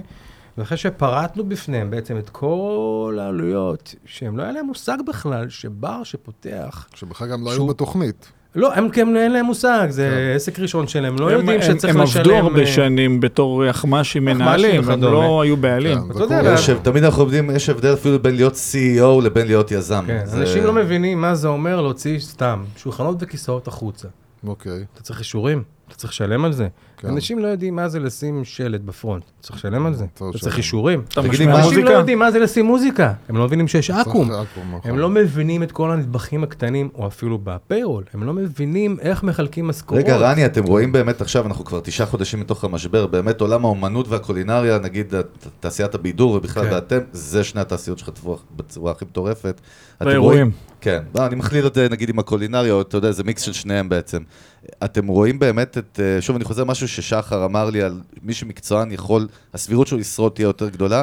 אתם רואים את זה, או שגם תראה. התותחים הכבדים תראה, מקפלים והולכים יש- הביתה? יש בתחום הזה כמה אה, קולגות שלנו שהם באמת, אה, יש להם ראש מאוד יצירתי וראש יזמי, וראינו שהם אוקיי. תוך כדי תנועה הצליחו, מה שנקרא, הקלישאה, לעשות לימונדה מהלימונים. יש כן. לנו הרבה חברות... רואים לפי הפרצוף שאתה לא אוהב את הקלישאה. כן, כי זה קלישאה. אתה יודע, כבר קלישאה כל כך הרבה גם- כן. היה להם גם בסיס כלכלי טוב בשביל נכון, כל ה... אבל זה בגלל זה שהם. היו. מקצועיים קודם, גם וגם, לא? אתה יודע, בסיס כלכלי לא רק מגיע מקצועני, זה לא נכון, אנחנו מכירים מקצוענים. אנחנו. מכירים מקצוענים, סליחה, שממש לפני הקורונה הם פשוט השקיעו המון המון המון. כסף במקום החדש. כן. כל הכסף טוב, זה אי אפשר לשם. לצפות, מה נעשה? אני יכול לתת? לך אבל דוגמאות חיות מחברות לשירותי בר לצורך העניין שאנחנו אה, ליווינו, Mhm. וזה תחום שהוא נפגע ברמה היסטרית, התאדה לחלוטין. מה, ו- מה זה, למי שלא יודע, מה הכוונה חברה שירותי בר? זה גם אה, ש- סדנאות קוקטיילים ממסיבות יום הולדת, רווקות, אה, ועדי הברים עובדים, הניידים שאני רואה, כל הדברים כן, האלה? וכדומה, אוקיי. ועד אירועים גדולים, חתונות בריץ וכן הלאה וכן הלאה. זו תעשייה שגלגלה מיליונים לגבי התפיידה, מיליונים. מה זה מטורף. התפיידה לחלוטין, וחלק מהשירות שלנו זה אנחנו ליווינו אותם אסטרטגית ושיווקים, שיווקית, כמה חברות כאלו, והיינו צריכים לעשות להם ניהול משבר בזמן אמת. כן.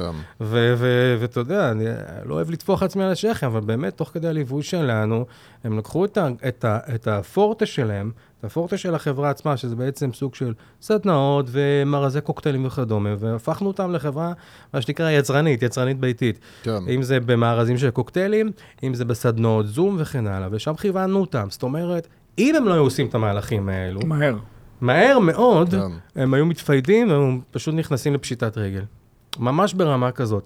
אז ניהול משבר בזמן אמת הוא הסופר סופר קריטי וחשוב, ואתה יודע, בזמנים שלנו, כל יום אנחנו מתעוררים למציאות חדשה, צריך, אין, אי אפשר לשבת ו, ומה שנקרא על זרי דפנה, כל יום, וזה חלק מהמהות הכמעט בלתי אפשרית של להיות בעל עסק. עזוב אותך, יותר מזה, בלתי אפשרית להיות יזם קולינריה, או זה תמיד, אני אומר ליוסי. אנחנו באים מסטארט-אפים, וזה הרבה יותר מפחיד אותי מסטארט-אפים. זה נשמע לי, תמיד אחרי השיחות איתכם, עם שחר, עם פיש, זה אימא'לה, כאילו, מה זה ההזיה הזאת? אני אגיד לך, בסטארט-אפים בדרך כלל אתה מגייס כסף, בעסקים פרטיים אתה מביא כסף מהבית, או אה, מתחייב, נכון, או נכון, מתחייב נכון. להלוואות, זה הבדל חשוב.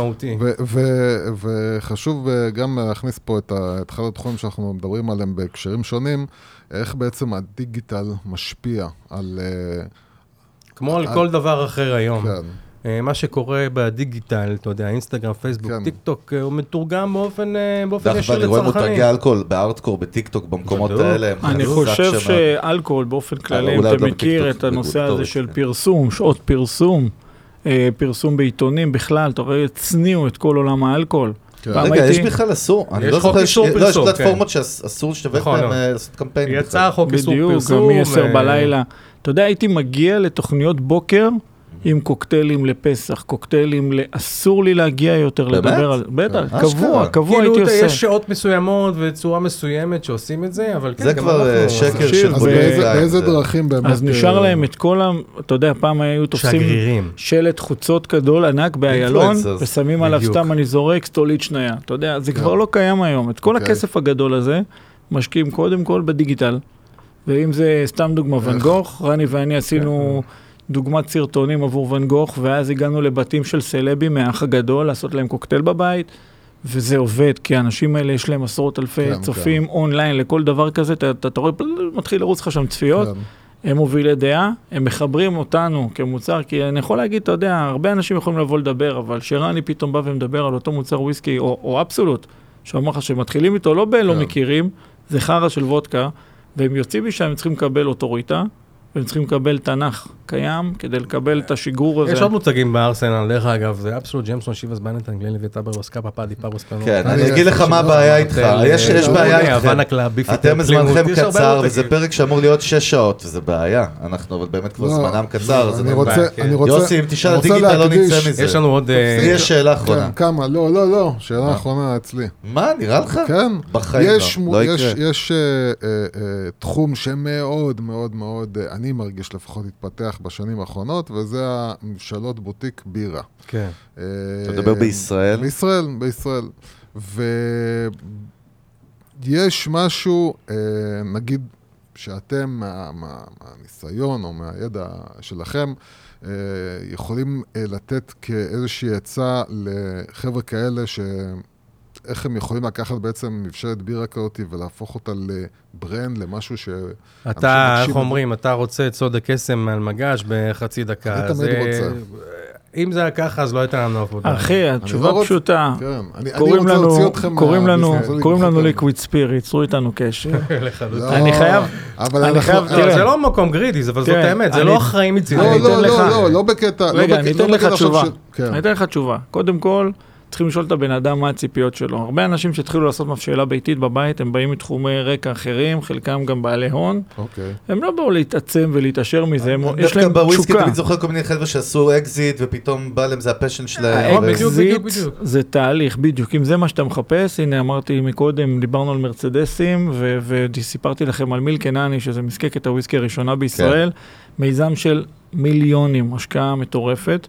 עשו לא בטוח הכל שהוא שווה כלכלית בכלל. כמו בספר. תראה, יש שני מצבים, או שבאמת יש לך לגאסי והיסטוריה של מאות שנים ואתה לנו. מספר עליה, או שאתה מביא את השמות הכי גדולים בעולם, כמו דוקטור ג'ים סואן, שזה... מה, כאילו אנשים, פרסונות? כן, ש- פרסונה שעשתה את הוויסקי, מותגי וויסקי מהטובים בעולם, אוקיי, והצעידה את העולם, ל- זוכרים שאמרתי לכם שסינים שתו את כל ה... כן, כן, אז גילו שבמדינות חמות הוויסקי מתיישן מהר יותר. אוקיי. מעניין. ופתאום מדינות כמו הודו עושים וויסקי מטורף. בטיוואן הוא עשה וויסקי תמיד שנקרא אומרים לי וויסקי קוואלן. יפני שהוא זה, לא יודע, טעמתי את זה, התבאסתי פחד, לא יודע. אז אה, היפנים גם סובלים מאותה בעיה. כי היפנים ישנים, אתה יודע, בשביל להגיע לוויסקי ברמה זה כמו סקוטלנד, קר, 12 שנה הם, וגם נגמר, אין. אז. כל עוד זה יפני הם. מערבבים, אתה יודע, אם אני ממלא ביפן זה נחשב יפני, זאת אומרת אפשר להטיס לשם וויסקי מלא משנה אוקיי. איפה, לבקבק אותו ביפן והוא ייחשב יפני. אוקיי. קיים, סיפור אמיתי.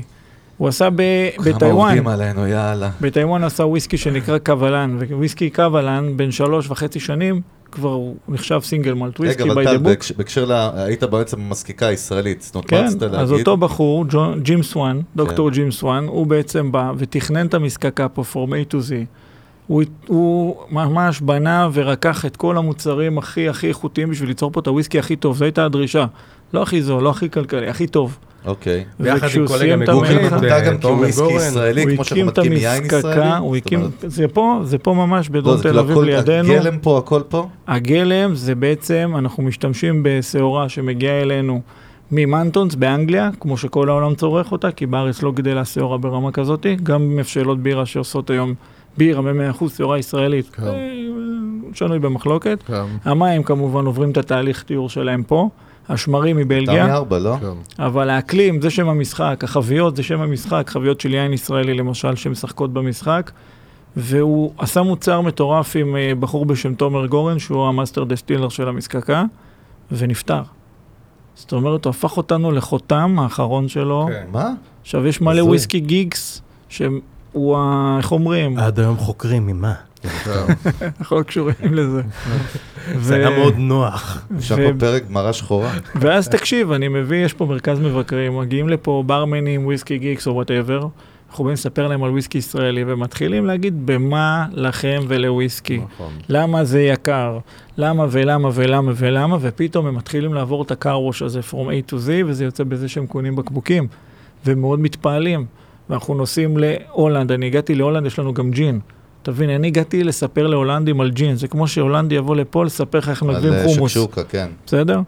והם מאוד היו ספקנים כלפינו, וזה נגמר בזה שאנחנו עושים להם סיפור עם אה, בלקן ביטבוקס ושפית ממחנה יהודה שעושים להם אוכל, מתופפים להם, הם מנגבים איתי על הרצפה חומוס ולבנה, והם עפים, כן. זו החוויה שלהם. אז אני, בתור אה, תסכם, שאלה של אדוני. דקה, לא אפילו סיכום, מעניין אותי לשמוע משניכם. וקודם כל גנבת איך? לי, שאלת סיום בכלל, אני לא לך. פעמיים, הוא כן, שאל כן. שתי שאלות. זה זה היה- שואל. על השאל- על השאלה הראשונה לא קיבלנו תשובה, זאת אומרת, לא כי- נגב ולא בזלת ולא כן. אף אחד מהם לא יודע עכשיו, כאילו, עומד עם הזה, מה אני- לעשות. אני חושב שנגב, בזלת, אה, שאת אלכסנדר, מלכה, שלדעתי הם מהמדהימות שיש. מלכה, בירה ו- אוהבה, בוא- יודע. בוא הם מקפידים על להיות start-up nation. הכוח שלנו זה start-up nation. עדיין אוקיי. זוכרים לנו את ששת הימים, ועדיין יודעים שאנחנו start-up nation. וזה הכוח שלנו, ומי שמתבסס על זה, כי אין לנו legacy של בירה. אנחנו גם נכון. לא שותים מספיק בירה, ששואלים בחו"ל, אה, ת- כמה בירה שותים בישראל? אתה יודע, אתה נותן להם איזה מספר מגוחך. כן. אתה יודע, כמה שותים לא פה בירה קשור? ליחס, לא לא קשור כאילו- לאוכלוסייה שהיא קטנה, היחס. בירה או כל מותג אחר או כל מוצר אחר, קודם כל צריכים לשאול שאלות מנחות. אוקיי. מה המהות של המוצר שלך? מה ה-DNA? לאן אתה מכוון? מי קהל היעד שלך? איפה אתה ב vision שלך רוצה להיות בכלל? אתה רוצה להיות בוטיק קטן, אתה רוצה למכור רק בשוק הפרטי, אתה רוצה למכור בשוק המוסדי. אה, אנחנו עושים לו מה שנקרא תוכנית היתכנות בכלל. דרך לא- אגב, לא זה מה שיוצא לנו לעשות מקורונה. אתה יודע, אם פונה אלינו איזה חברה שמייצרת טוניק באנגליה. כן. דקה, בוא נבדוק. אתה רוצה להיכנס לישראל, יפה, אני מחפש יבואן, שנייה. אתה רוצה לדעת כמה טוניק נמכר בישראל? ביחס למוצר שלך, אתה רוצה לדעת בכמה מוכרים אותו בישראל? בקטגוריה שלך כמה מוכרים, כן, יש כי- פה הרבה שאלות מאחורה. אחרי אבל- כל המהלכים האלה תגלה שכל ישראל אולי שווה קונטיינר. עדיין כן, שווה לך. להיכנס? כן. לא, זה- מה פתאום? זה ההבדל בין לפעמים ה passion של יזם, שהוא מתלהב, הוא חושב דברים. מסוימים שהם לא קשורים למציאות בכלל. כי יש כן. פה נתונים, יש פה הרגלי צריכה. למה אמרתי לך על הנתוני צריכה של הבירה? כי לפני שאתה מייצר, בוא נגיד לך כמה בירה שותים בארץ. אתה עדיין לא, אבל במשחק. אני תמיד חשבתי שהמבשלות, נגיד הבוטיק האלה, שהן ממותגות בנזו ומגניבות והכול. חלקם על זה- כן על- וחלקם על לא. הטעם אפשר להתווכח. תמיד אמרתי, אולי הם מייצאים לחו"ל על ה brand הישראלי כאילו ומתפוצצים, אבל אולי זה בכלל... אה, זה מנסים, זה לא כי כזה ביין אנחנו פשוט. כן סוג של מיני מעצמה נהיינו, לא? נכון, אה, כן, אפשר לומר, אפשר לומר. ראיתי את ההסתייגות, רק אתה יודע, היה הכל באופן יחסי בחיים כן. האלו, כן. כן. אבל אה, כן ולא. עזוב, בוא, אנחנו באמת, אני יודע שזמנכם מאוד קצר, לקראת סיום, אני לא אוותר לו, מצטער. כן. יוסי, לא, שאלה אחת, שאלה מה אחת אחת? קטנה. תגיד, אתה קטנה, קטנה, קטנה, חצי דקה, אתה חצי דקה מכל. אחד מכם. לתת לו? תן משהו עם ארומה, אני רוצה לסיים עם ארומה קטנה. הנה, יש לי פה מה, את הכוס אתה קפה. מבין? לא, שמתם לב איך הוא מנסה למחוק לי את אתה הצלם אנוש. שנייה. לא כל אחד. מכם ייתן. את החוויה הכי כיפית שלו, לא עכשיו במקום בעולם, בבית. למה? אני יכול לתת מקום בעולם. יש לי אנקדוטה לא, כיפית. לא, הפוך, הפוך, לא. אני רוצה לעשות את זה זה הכי קצר שאלות שבעולם. מאתגרות, ריבונו של משהו עולם. כאילו, איך, איך אתם נהנים מה, מה, אלכוהול? מהאלכוהול שלכם, ה- ה- ה- או נגיד החוויית כיפית הכי גדולה ביומיום שלכם מאלכוהול. טוב, זאת שאלה שהיא טיפה מורכבת, כי יש בה גם כמה סייגים. אחרי 30 שנה של חוויות אלכוהוליות, מאוד קשה לזקק את זה לאיזה חוויה ביתית, אוקיי? כאילו אין favorite dish, מה אין שנקרא. favorite dish, כמובן, זה נורא משתנה לפי מצב הרוח, אתה מבין? לפעמים כיף לי לשתות בירה עם החברים, וזה ה highlight של היום שלי. כן. לפעמים בא לי לשבת, שאיזה חבר מביא לי איזה Cohiba טוב, לפתוח Glenlivet 18 שנה. לפעמים בא לי ג'ין וטוניק, שיש לי איזה lady friend כן. כיפית, ככה וזורמת. זורמת ב- במובן כאילו, אתה יודע, של של אלכוהול. הג'ין לא- הטוב טוב לא- של המליאה. במובן של ג'ין. שומר של נגיעה. שומר כן. נגיעה.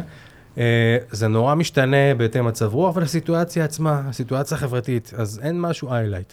אבל אם אתה כן מחפש סיפור, יש לי סיפור מגניב, אנקדוטה מגניבה שבדרך כלל אני אספר בסדנאות וויסקי שאנחנו מעבירים. אוקיי. אם יישאר זמן אחרי טל, אני אספר.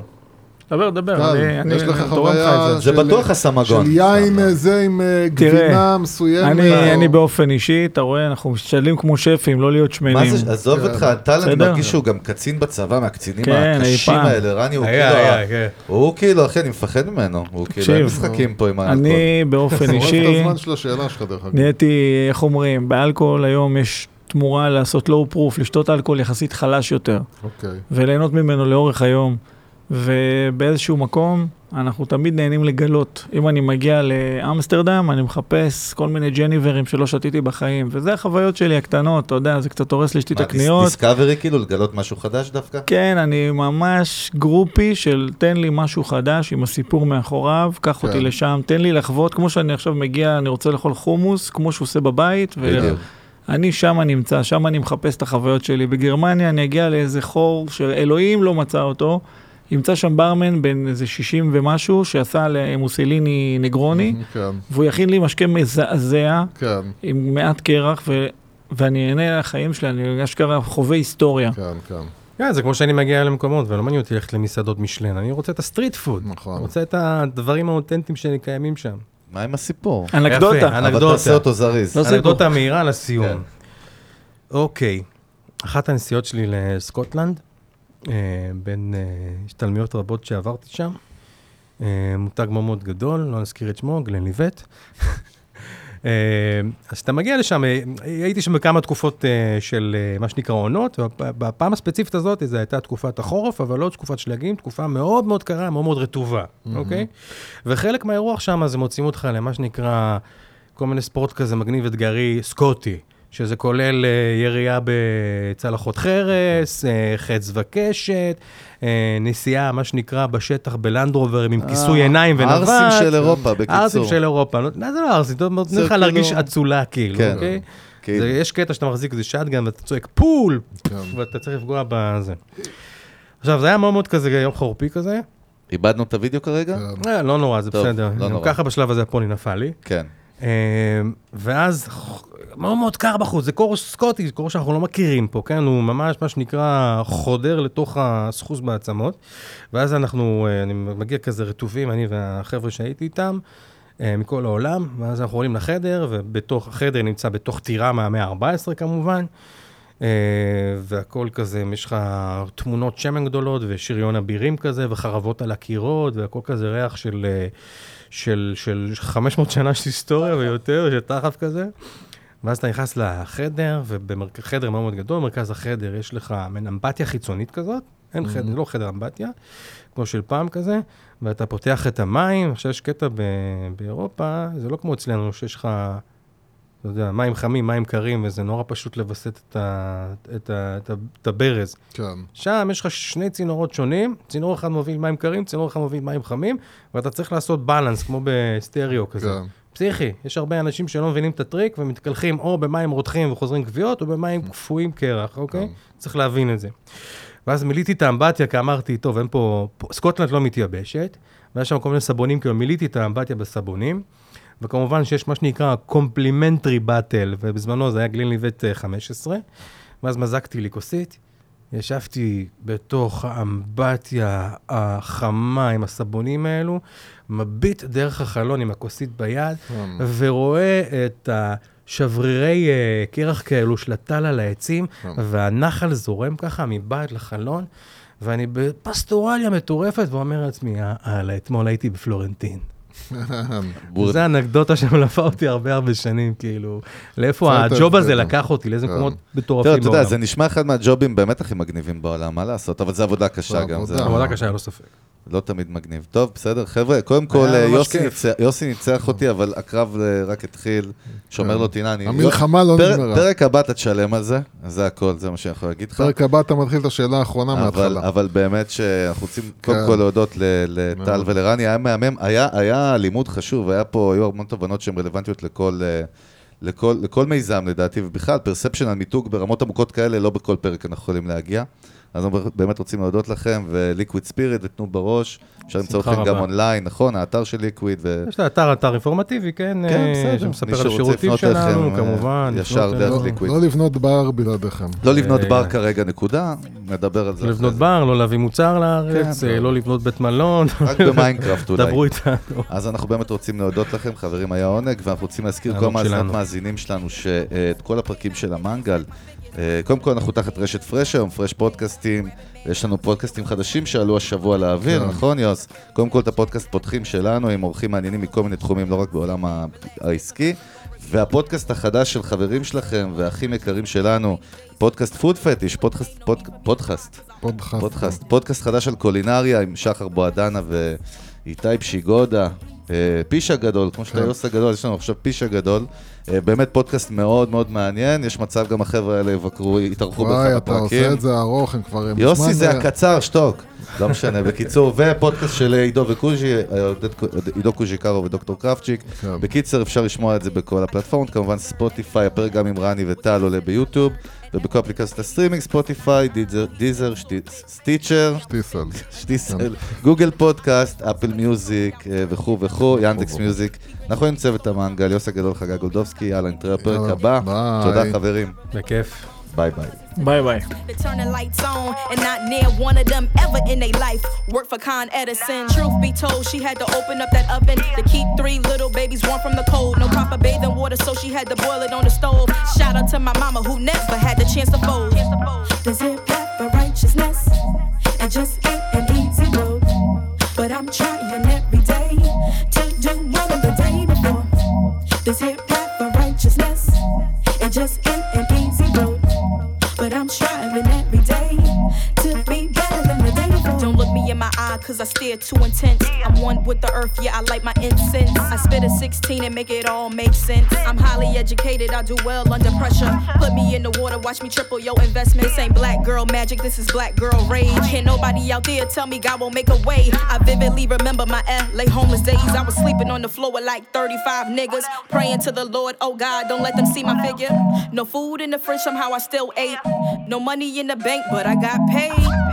A path for righteousness. It just ain't an easy road.